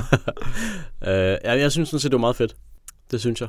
Så, så det satte din, øh, din fantasi i gang. Uh, Eller, eller havde du en fornemmelse af, hvad de egentlig sagde, og det var bare ligegyldigt, hvordan de formulerede det? Ja, altså jeg synes ikke, det var vigtigt, hvad de sagde. Jeg synes bare, det var vigtigt, at det var en, en afsked. Men som du vidste også selv sagde, Anders, tidligere, det er ikke sådan sindssygt vigtigt, hvad de siger til hinanden i løbet af filmen. Det er bare vigtigt, at de har den der forbindelse til, til nogen øh, på det sted, hvor de er. Jeg tror, jeg vil stramme min følelse i den scene endnu mere og sige, at jeg synes, det var godt, at de havde et øjeblik for sig selv med hinanden, som ikke nødvendigvis var delt med mig og med alle de andre, der så filmen. At det synes jeg på en eller anden måde, de havde fortjent. Og det var deres præmie for at have lavet hele filmen. Og det er jo sjovt, fordi den, den, den slutter jo af med den klassiske romantisk komedie-scene, hvor han på vej hjem i taxaen ser hende og stormer igennem menneskemængden og finder hende og kysser hende og visker noget til hende. Og så slutter den, og det føles jo altså melankolsk og sørgeligt, når den slutter. Og det, det gør det jo vel, fordi at deres forhold som sådan er slut nu. Jeg synes da ikke, det føles melankolsk og sørgeligt. Nå, hvad de føles det smiler som? til sidst. Men den stemning, øh, som, som, som filmen har gennemsyret mig med, den er, den er negativ, når den slutter. Jeg synes igen, at det er noget, der er ambivalent, fordi at, ja, som Jay han siger, de smiler jo begge to, og det har jo tydeligvis været en, en god oplevelse for dem. Øh, men det er så også forbi, og det kan måske være lidt bittert. Jeg synes faktisk, jeg var ikke, øh, jeg var ikke trist, da den sluttede. Jeg synes, det var værdifuldt, Mm. det vi alle sammen havde gennemgået. Og det var mest den følelse, jeg havde med det, tror jeg. Så hvis Dan han kan mødes i midten og sige, at han følte, han følte ingenting, så ville det være perfekt. Skiftevis så smilede jeg og græd, da jeg så den. Nej, ikke helt, men øh, ej, jeg, jeg kan godt lide den, den der ambivalens, der, der var i slutningen også. Okay, jamen øh, jeg ved ikke, skal vi tale mere om Lost in Translation? Det er en cool film med cool musik og cool folk. Ja. Ja, det er det. Den er meget tjekket. Et, øh, Er alle hendes film så tjekket? Øhm, ja. Eller ja, det synes jeg. Jeg synes i hvert fald, Virgin Suicides er utrolig øh, godt production designet. Og jeg husker også Somewhere som værende på samme måde cool som den her. Jeg kan ikke så godt huske Virgin Suicides. Jeg kan nemt huske øh, Marie Antoinette, som også var... Der, der tror jeg også, at hun er ude om et helt andet form for produktion, end det hun er vant til. Der kommer for mange Ja. bolde. Må ikke. Ja, men også som om, at hun prøver at lave noget andet. Altså hun prøver at lave en film, der er mere poppet, end den er tjekket. Poppet på den allermest lyserøde, kaos sko måde. Somewhere spiller de Wii med Bam Margera. Det er rimelig sejt. Det var sejt i, hvornår Bortset en film fra, kom at så ud. skal jeg se på Bama Jeras fjes. meget, meget kort scene. Bare Jeg fik- alle hans scener var det. Ja, jeg fik i hvert fald lyst til at se mere af Sofia Coppola end, end øh, de to film, jeg har set med hende. Jamen, jeg vil også forsøge at øh, se The Bling, The Bling Ring Ja. og tale om den til næste gang. Godt. Øh, men nu skal vi tale om Dear Esther, Jack. Kære Jack. Kære, kære Jack. Kære Esther, øh, de er Esther, hedder det, øh, er som sagt et spil, spørgsmålstegn, der er udviklet af The Chinese Room, som engang hed The Chinese Room. Øh, det var et forskningsprojekt på et universitet, som fik penge af universitetet til at lave mods til spil. Øh, altså The Chinese Room. De er nu officielt et øh, spiludviklingsstudie, men de nåede at lave tre mods som øh, forskningsprojekt. To af dem til Half-Life 2, hvor er der var et af dem, og et til øh, Doom 3, som hedder Conscientious Objector, hvilket lyder utrolig sjovt. øh, og det havde de så forsknings- og humanist penge til at lave. Øhm, den her Esther blev et kæmpe hit for dem, øh, og derfor blev den også videreudviklet til at skulle være et spil, som stod for sig selv, hvilket de fik øh, Little Lost Polly til at gøre. Selve modden er fra 2009, og den blev så udgivet som et standalone-spil i 2012, hvor den var øh, væsentligt lavet om til at have øh, øh, bedre grafik mest. Øh, soundtracket blev også udvidet en del i den forbindelse. Øh, de tre hovedpersoner, som står bag den, som er krediteret for henholdsvis lyd, miljø og narrativt design til spillet, hvilket jeg synes er nogle utrolig gode roller. Dan Pinchback, som var leder af The Chinese Room som forskningsprojekt, øh, som stod for at skrive det, lavede narrativ design.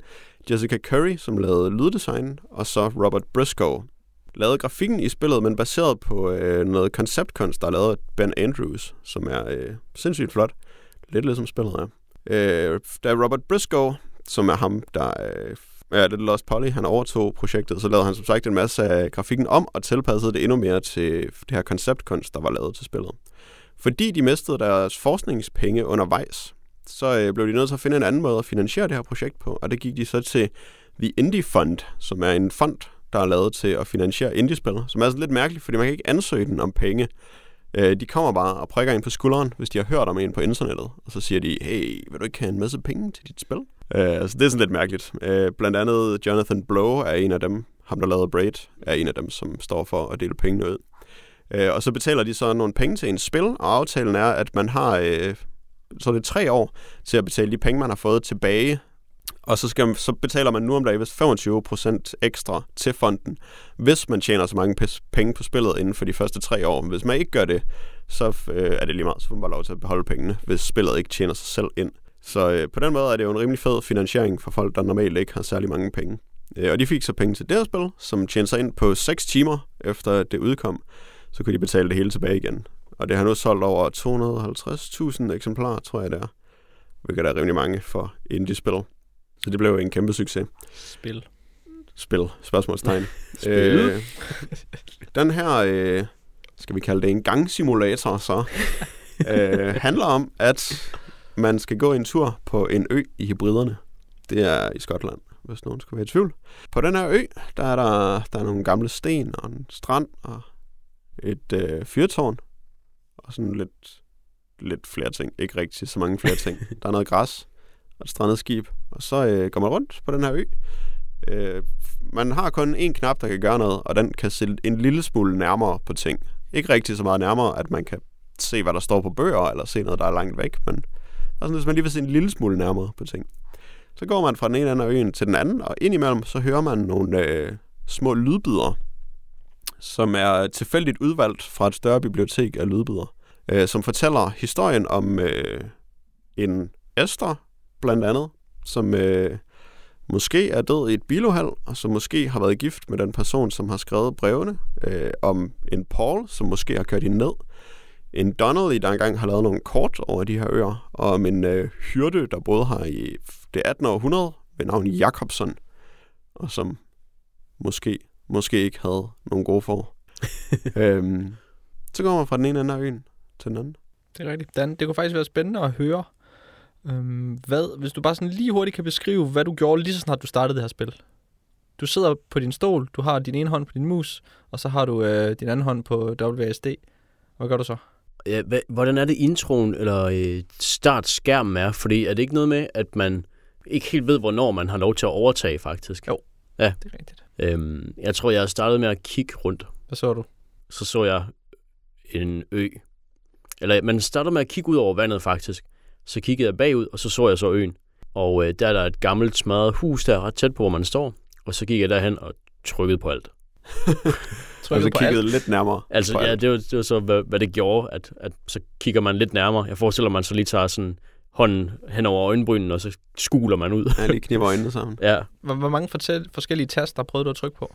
Og jamen, alle de der normale FPS-tester, øh, Control og Shift og Q og E og jeg ved ikke hvad.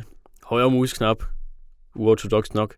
Øh, og det er jo kun altså, øh, venstre museknap, der gør noget, og så WASD, hvor man ligesom bevæger sig frem og tilbage og til siderne. Øh, så så der, er ikke, der var ikke så meget øh, interaktivitet øh, på den måde, kan man sige. Det er, det er måske ikke et spil. Det er måske ikke et spil, faktisk. Vi kan godt sige, at det ikke er et spil, kan vi ikke? Jo, jeg ville faktisk Ja. utrolig gerne sige, at det ikke var et spil, fordi det her spil, det sådan lidt fik mig til at tænke, at computerspil måske godt kunne være kunst alligevel. Men så er det heldigvis ikke et spil. Så behøver jeg ikke tænke den grufulde tanke mere. Det var godt. Hvad skal vi kalde det? En interaktiv fortælling? Mm, interaktiv. måske at strække den. en aktiv fortælling? Altså en gangsimulator, ikke meget godt? Gang- Go-tour simulator. Go er to simulator, Hvor ja. meget kunne du holde W i bund? Ja. Test. Det er faktisk, eller apropos hvordan man startede spillet med at finde ud af det der, så øh, startede jeg selvfølgelig med at snurre rundt med min mus og prøve på at gå med WASD, og det virkede ikke. Øhm, den ene af dem zoomede jeg sådan ind med, og så kunne jeg ikke forstå, hvad der foregik, og så kiggede jeg i indstillinger og fandt ud af, at man kunne bruge, gøre det med en controller, men jeg ville hellere gøre det med en mus. Og så prøvede jeg at slå controlleren fra, og det virkede stadig ikke. Og så viser det sig, at det er fordi, at øh, det her spil åbenbart ikke forstår, øh, når man bruger dwark-tastatur. Så den brugte dwark-tasterne, hvilket betød, at jeg ikke kunne gå med Ah. den. Så jeg blev nødt til at bruge det, en controller til det.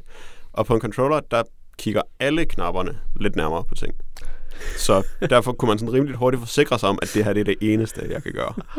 Ja, okay. Ja. Men når vi så siger øh, spil og interaktivitet, så startede jeg faktisk med at gøre en af de eneste ting, som man kan vælge at gøre i det her spil. Og det var, at jeg startede bare med at gå ud i vandet, og så døde jeg. Eller, jeg døde ikke.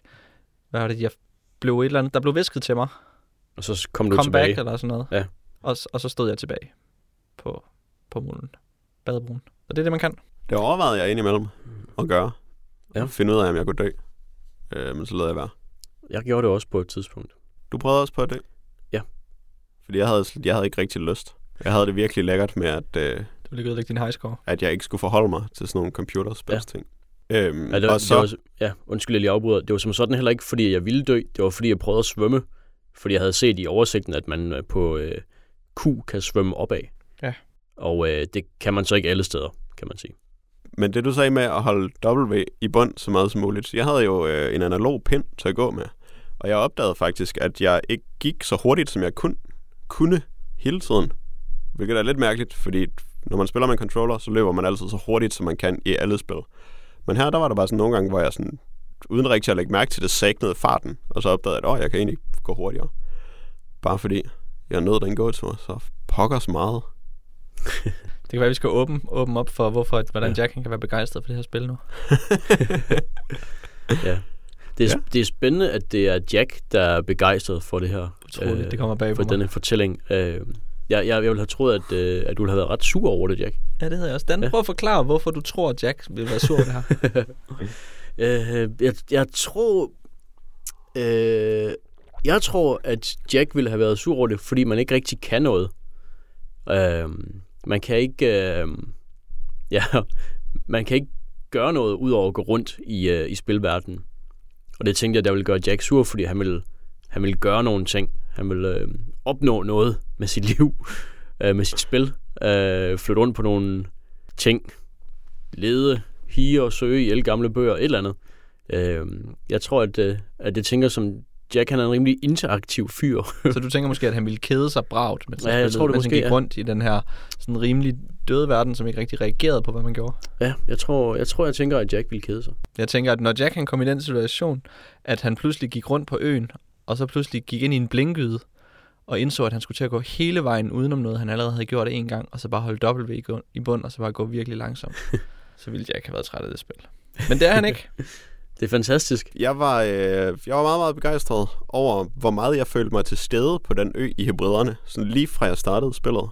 Øh, jeg var meget begejstret over øh, at se på mine omgivelser. Jeg kunne virkelig godt lide det landskab, der var rundt omkring mig. Øh, og så følte jeg mig bare mere til stede i spillet, end jeg tror, jeg nogensinde har oplevet at føle mig til stede i et computerspil før. Altså det virkede som et sted, hvor jeg virkelig var, og det virkede som et landskab, der talte til mig på et eller andet niveau. En decideret naturoplevelse i det her spil. Øhm, med hensyn til blindgyder, så er der den første blindgyde, som man kom til. Der var jeg sådan et øjeblik en lille smule frustreret, og prøvede at gå ind i sådan nogle sten, og så vendte jeg om og tænkte, så skal jeg vel tilbage, og så var trappen bare lige foran mig, og så var det fuldstændig åbenlyst, hvilken vej jeg skulle gå. Øh, Og næste gang, man ligesom kunne komme i tvivl om, hvor man skulle hen, så øh, det var, da man var kommet over den første bakke og skulle ind i sådan en grotte, som man bare skulle ind og gå en runde i, og så gå ud igen. Øhm, og, så da, og jeg tænkte, ah, nu skal jeg ind i den der grotte, og jeg har ikke set, hvilken vej jeg skal, og den her grotte er sikkert en blindgyde, så kommer jeg nok til at sidde fast. Men så da jeg kom ud af grotten, så kunne jeg bare se den anden sti. Og så var jeg vildt imponeret over, hvordan banerne var designet til, at man ikke kunne se den vej, man skulle gå, før man havde gået så langt, som man skulle. Det synes jeg var virkelig imponerende lavet. Og siden da, der var jeg aldrig forvirret over, hvad jeg skulle gøre. På et tidspunkt, der ærgerede jeg mig lidt over, at jeg skulle hoppe ned i et hul, øh, som sådan virkede virkelig dybt, og det virkede alt for farligt og mærkeligt til min gåtur. Men, det, men selv den der hule, som jeg lidt følte, jeg var forpligtet til ikke at bryde mig om, fordi den er mere, øh, mere mærkelig end, øh, end alle de andre omgivelser, som ellers er meget naturalistiske og veristiske. Øh, selv den nød jeg virkelig at gå rundt i, og havde en, øh, en stor oplevelse med at opleve. Øh, historien, som man får fortalt i tilfældige bidder, mens man går rundt, havde jeg det okay med, så længe jeg, fordi jeg valgte ikke at føle mig forpligtet til at synes, at jeg var ham her hovedpersonen, som øh, fortalte brevene. Øh, det virkede meget irriterende, hvis jeg skulle forestille mig, at jeg gik rundt med en brækket lårbensknogle lige nu, fordi det ville være alt for mærkeligt en gåtur. Så jeg havde det godt med at tænke, at jeg bare var mig, der gik rundt på den her ø og nåede landskabet, og, øh, og måske tænkte på nogle breve, jeg havde læst eller fundet. Øh, men mest af alt, så var det det her miljø, som bare talte til mig virkelig meget, og jeg nød, at jeg gik langsomt, og jeg nød at kigge mig omkring, mens jeg gik. Og jeg nød stemningen i spillet mere end jeg... Og jeg synes, at fortællingen gjorde meget for at formidle den stemning. Øhm, selvom jeg egentlig ikke så meget brød mig om historien, eller var så interesseret i den, så var der bare nogle ord, øh, der passede virkelig godt. Øh, der er en med at vælge en øh, The Mid-Thigh Exit på sådan en motorvej, hvor man kører, hvor det blev sådan lidt crash-agtigt, og øh, bare sådan det med, at det var så forvirret, den historie, det kunne jeg også enormt godt lide. Så jeg var også meget begejstret over at opdage, at det var tilfældige bidder, jeg havde hørt, mens jeg spillede. Hvilket passede ut- utrolig godt til stemningen, hvor det let var op til mig at opleve, hvad det var, jeg oplevede på den her ø. Så jeg følte mig, øh, jeg følte mig meget i mig selv, eller jeg følte mig meget immersed, vil man vel kalde det nu om dagen. Jeg var totalt opslugt af det her landskab, og den stemning, jeg befandt mig i. Det var nok sige, Jack. Det mindede mig meget om øh, et computerspil, jeg spillede for en del år siden, der hedder And Then There Were None, um, som er et øh, computerspil i ficering af Agatha Christie, øh, mysteriet. Um, jeg ved ikke, hvad hedder den egentlig? 12 Little Sailor Boys. Eller sådan noget. Skal vi sige, hvad det den hedder? Det er, hvor der foregår sådan et mor på løbende på, på Lige præcis. Og der er man nemlig i en, i en meget lignende setting, mm. øhm, og hvor man går rigtig meget rundt udenfor, og der er den samme form for sådan noget øh, atmosfærisk violin- og klavermusik.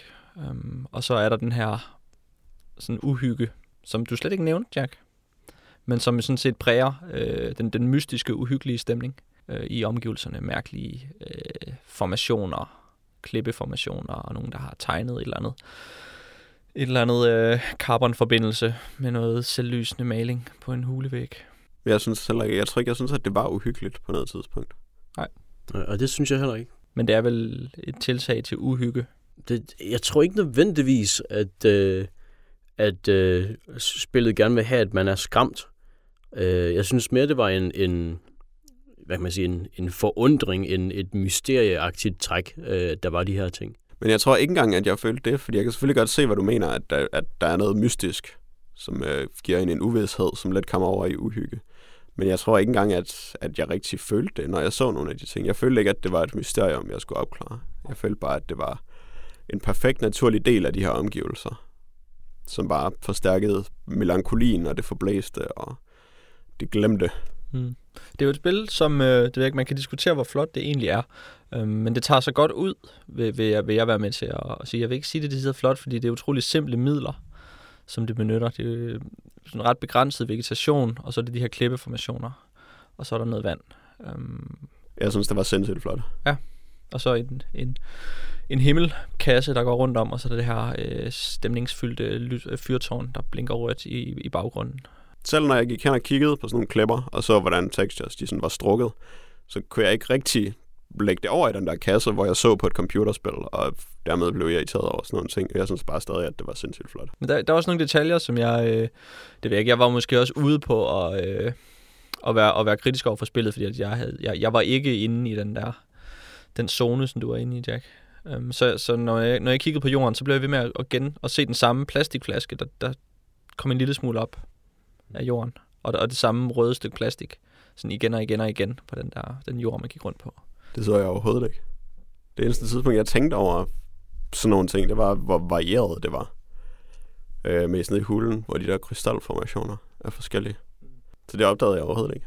Men det er vel et spil, ja, det virker som et spil, der deler vandene meget, fordi det gør måske ikke så meget for at, at sælge sig selv, eller det, det tvinger ikke en ind i en, en bestemt stemning. Man skal ligesom være med den fra starten af. Eller måske er problemet, at, at der ikke er nogen genre til det her spil, så man ved ikke, hvad der man går ind til. Det er mere et spørgsmål om, hey, jeg skal lige finde ud af, om jeg kan lide interaktive fortællinger. Lad os lige finde ud af, hvad det er for noget, og så spiller man spillet. Ja, det kan jeg jo normalt ikke, fordi de som regel er sindssygt dårlige, når de bliver gjort interaktive. Mm. Øhm, men ja, og, altså der er ikke nogen genre, så man har ikke nogen, øh, man har ikke nogen kontrakt med fortællingen på forhånd. Og så er det stemningsbaseret, og det, det tror jeg bare, det afhænger vel meget af individet. Det er jo ikke alle mennesker, der reagerer på samme måde, når det kommer til noget så abstrakt som stemninger. Altså vi kan alle sammen forstå, at øh, stryger er melankolske, men udover det, så... Altså min oplevelse for eksempel var jo, at landskabet virkelig talte til mig, og var fyldt med stemninger for mig, og det er jo ikke alle mennesker, der har det på samme, på samme måde med øh, hybriderne, går jeg ud fra. Ja, det må være, det er vel rimelig afgørende, hvor det er. Ja, måske. Er det det? Altså afgørende, hvor det er geografisk. Ja, altså hvis du har en eller anden særlig fantasi om hybriderne, så, så vil du synes specielt godt om det her spil. Men hvis du havde foretrukket øh, truppe-settingen, så havde du måske synes om spillet. Hvis du Ja. er en truppefan, som du er, Dan. som, som jeg jo er. Jeg, jeg ved ikke om jeg, jeg ved ikke om jeg altså jeg, jeg tror også godt at jeg kunne øhm, ak- acceptere hvis det var i trupperne et sted så havde øh, geografien nok set lidt anderledes ud.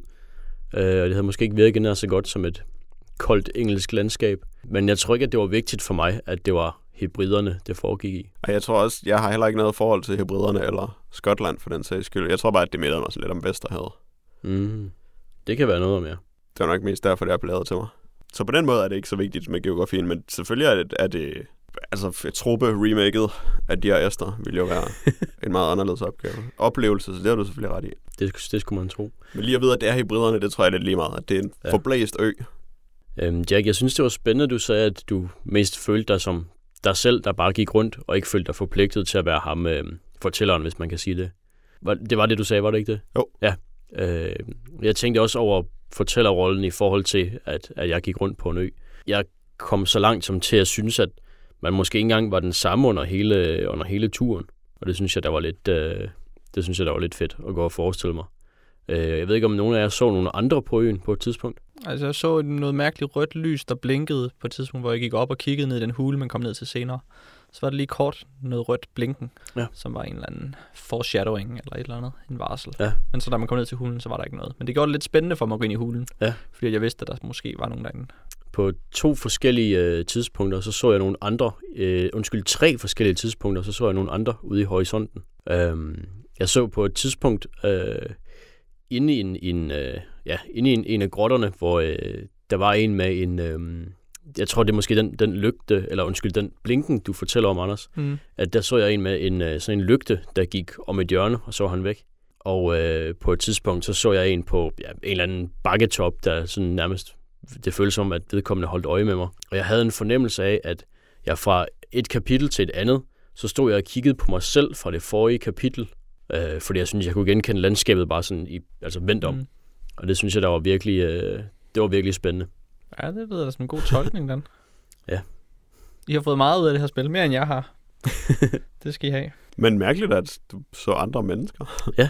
Og jeg ikke gjorde. Ja, altså de var langt væk, da man skulle øh, lave den der øh, knibe med øjnene øvelse for at kunne se dem, tror jeg. Er der nogen øh, risiko for, at de måske slet ikke var der, men var noget, du forestillede dig? Godt spørgsmål. Jeg, jeg er ret sikker på, at der var noget, der var. Altså, det var kun silhuetter, jeg kunne se. Øh, så måske var det bare en, en værballon eller noget sumpgas. Jeg ved det ikke. Men Hvis vi nu skal pejle os lidt, en lille smule mere ind på, hvad, hvad det egentlig er for noget, det her. Fordi det er jo lidt, det er jo ikke rigtig defineret som sådan. Hvad, er det så mest en simulation af en gåtur i, i, den, i den virkelige natur, eller er det mere ligesom at gå rundt i et galeri og kigge på noget kunst? Hvor, hvor ligger vi så den her oplevelse? Spørger du mig? Ja. Fordi jeg synes jo, at det var som at gå rundt meget mere, end det var som et galeri. Hvis jeg skulle sammenligne det med nogle andre kunstgenre, så ville det måske være maleriet, som det var tættest på. Men jeg følte, det, jeg følte mig som sagt virkelig til stede på den ø i den gåtur. Jeg føler, at jeg var ude i naturen. Jeg kunne nærmest mærke vinden blæse i mit hår. Ja, så sådan lidt en, man kunne, ja, en fantasi om at gå ind i et maleri på en eller anden måde. Det kan jeg godt lide. Og det er en form ja. for ingenting, så det er perfekt. ja, det er det. Jamen det, synes jeg, altså, det var jo det, der var det fede ved det, fordi at på den måde, så kan det ikke helt sammenlignes eller overføres på noget andet, mm-hmm. synes jeg.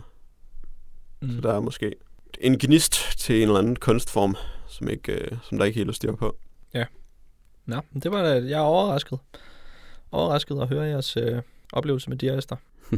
ja, jeg er meget, meget begejstret over. Jeg, vil synes, gerne, jeg, jeg, jeg synes, synes at, at, at vores lytterhoved skal prøve at spille det, fordi, og, og skrive ja. ind og sige, hvad de synes, fordi ja. øh, jeg kunne godt tænke mig nogle flere sider af den her sag her. Ja, det kunne være, det kunne være interessant at høre, hvad folks oplevelse er. For jeg, altså, jeg var forholdsvis positiv, men det var ikke hele vejen igennem, at jeg følte mig så inddraget i det, som for eksempel øh, med Jacks oplevelse, tror jeg. Ja, jeg synes, det var meget specielt, også fordi, at som du startede med at sige der, at det virkede som noget, som jeg måske ikke ville bryde mig særlig meget om, øh, og som en oplevelse, jeg ikke er specielt god til at have i nogle computerspil, altså hvor jeg føler mig immersed, hvor jeg føler mig til stede i tingene. Jeg har en tendens til hele tiden at... Øh, men det er måske også, fordi jeg netop er opmærksom på de interaktive elementer, som for eksempel de der døre i Arkham Origins, som jeg kan brokke mig over i timevis uafbrudt, øh, hvor man bare skal gøre sådan nogle idiotiske spilting, som ikke har noget med noget at gøre. Og det er jeg jo fuldstændig fri for her. Samtidig med, at det er omgivelser, som jeg forstår, som jeg bevæger mig i på en måde, jeg forstår. Jeg, jeg synes, der er sådan lidt med det der med at prøve at gå op af nogle klipper i starten, og man kan ikke rigtig gå op af ting. Der er der vel lidt nogle, nogle benspænd, der er der vel lidt nogle Arkham Horror døre, uh, Arkham Horror, Arkham Origins døre, man skal hamre på, når man sådan prøver at gå op ad en klipper, man kan ikke rigtigt. Ja, det er rigtigt. Men jeg synes, at jeg forstod det hurtigt som, øh, hvor meget umage jeg vil gøre mig i det her. Og der er sådan mange, altså for eksempel sådan et pigtrådshegn, altså det ville jeg ikke sådan rigtig givet prøve at hoppe over, når jeg var ude og gå den her tur. Også fordi, at jeg havde ikke lyst til at anstrenge mig. Det var også derfor, jeg gik langsommere, end jeg egentlig kunne meget af tiden. Øh, så på den måde, så blev det meget hurtigt en naturlig del af min oplevelse. Men altså, der er jo klart nogle... Spiltingene er der stadig. Der er stadig de der begrænsninger, der er regler for, hvad man kan og ikke kan gøre i verden. Blandt andet, at man virkelig ikke kan udføre andre handlinger, end at se lidt nærmere på ting. ja. Men det passede bare, altså det passede bare godt til stemningen, tror jeg. Og det føltes som om, at stemningen fuldt ud retfærdiggjorde de begrænsninger, der var. Og jeg havde ikke lyst til at gøre mere, end det jeg kunne i spillet. Det gav mig lyst til at overholde reglerne, hvor spil normalt bare tvinger mig til at gøre ting sådan, af idiotiske, tilfældige grunde. Ja. Mm. Jamen, øh, det var vores tre gange ingenting. Øh, hvad, var det, hvad var det bedste ingenting? Ingenting. Har vi noget lytterpost? uh, ja, vi har en, øh, en lille lytterpost. Jeg har den her. Lytterposten er fra Mads Borbjerg med overskriften Orb of Sod. Han skriver, et stort tillykke til Jack for at gennemføre Dunning Crawl Stone Soup. Hvad skal den svedige Orb of Sod så ellers bruges på? Med venlig hilsen, Mads. Tak. Der var du heldig, var Jack? Ja. Tak, Mads. Et spørgsmål. Jeg ved ikke, hvad det, Jeg forstår det måske ikke helt. Jeg er heller ikke helt med på det. Jeg forstår det heller ikke. Og jeg har endda fundet The Orb of Sod. Jeg, jeg forstår ikke. det stadigvæk ikke. Wow. Jeg ved ikke, om han mener sådan, hvad min Orb of Sod tid skal bruges på. Hvad jeg så skal lave i stedet for. Muligvis. Det kan være, det er det. Men den, der, der skal der bare bruges på at finde The Orb of Sod igen. Sådan. Dem kan man aldrig få for mange af. det er da også det. Det er godt, og tak for det. Tusind, tusind tak for det brev, Mads. Det er jeg rigtig glad for. Det passede meget godt ind i temaet, kan man sige. Ja, det synes jeg. Der er en god øh, fornemmelse derude for, hvad Ja. det er, vi egentlig står og mangler til den her podcast. Sidder du også derude med en rigtig god fornemmelse for, øh, for, for, hvad du, for et stykke lytterpost, eller et spørgsmål, eller en kommentar, eller, eller en eller anden form for sætning, som vi kan sidde og tænke over, hvad egentlig betyder. Øhm, så kan I jo skrive ind til øh, post-ddkkpodcast.dk med kommentarer til den her podcast, eller måske nogle rigtig gamle podcasts, som du lige har siddet og lyttet til, øhm, og så har du hørt den her, og så har du tænkt, jeg vil egentlig også gerne lige stille et spørgsmål om en rigtig gammel podcast. Så skriv endelig ind. Vi, øh, der er ikke noget, der er for gammelt. Vi har intet glemt. Intet er glemt. Vi kan huske alle podcasts. Lige præcis. Og det kan vi virkelig ikke. altså, hvad lavede vi sidst? Det kan jeg ikke huske. Jo, vent. Jeg har den næste. du kan ikke huske det. Uh, var vi i akvariet? Godt. Jo, Ja. jeg ved det godt. Ja. Små mennesker. Sådan. Yes. Godt arbejdet, Jack. Godt, godt klaret. Super. Det var virkelig langt væk. jeg kunne ikke huske det. Og det er så en uge siden, jeg skulle skrive, hvad den podcast handlede om. Godt. Det er i dag øh, onsdag den 9. april, og det betyder selvfølgelig, som altid, at vi er tilbage igen om 14 dage, onsdag den 23. april. Måske lidt sent om aftenen, fordi øh, jeg er jetlagt. Farvel og tak.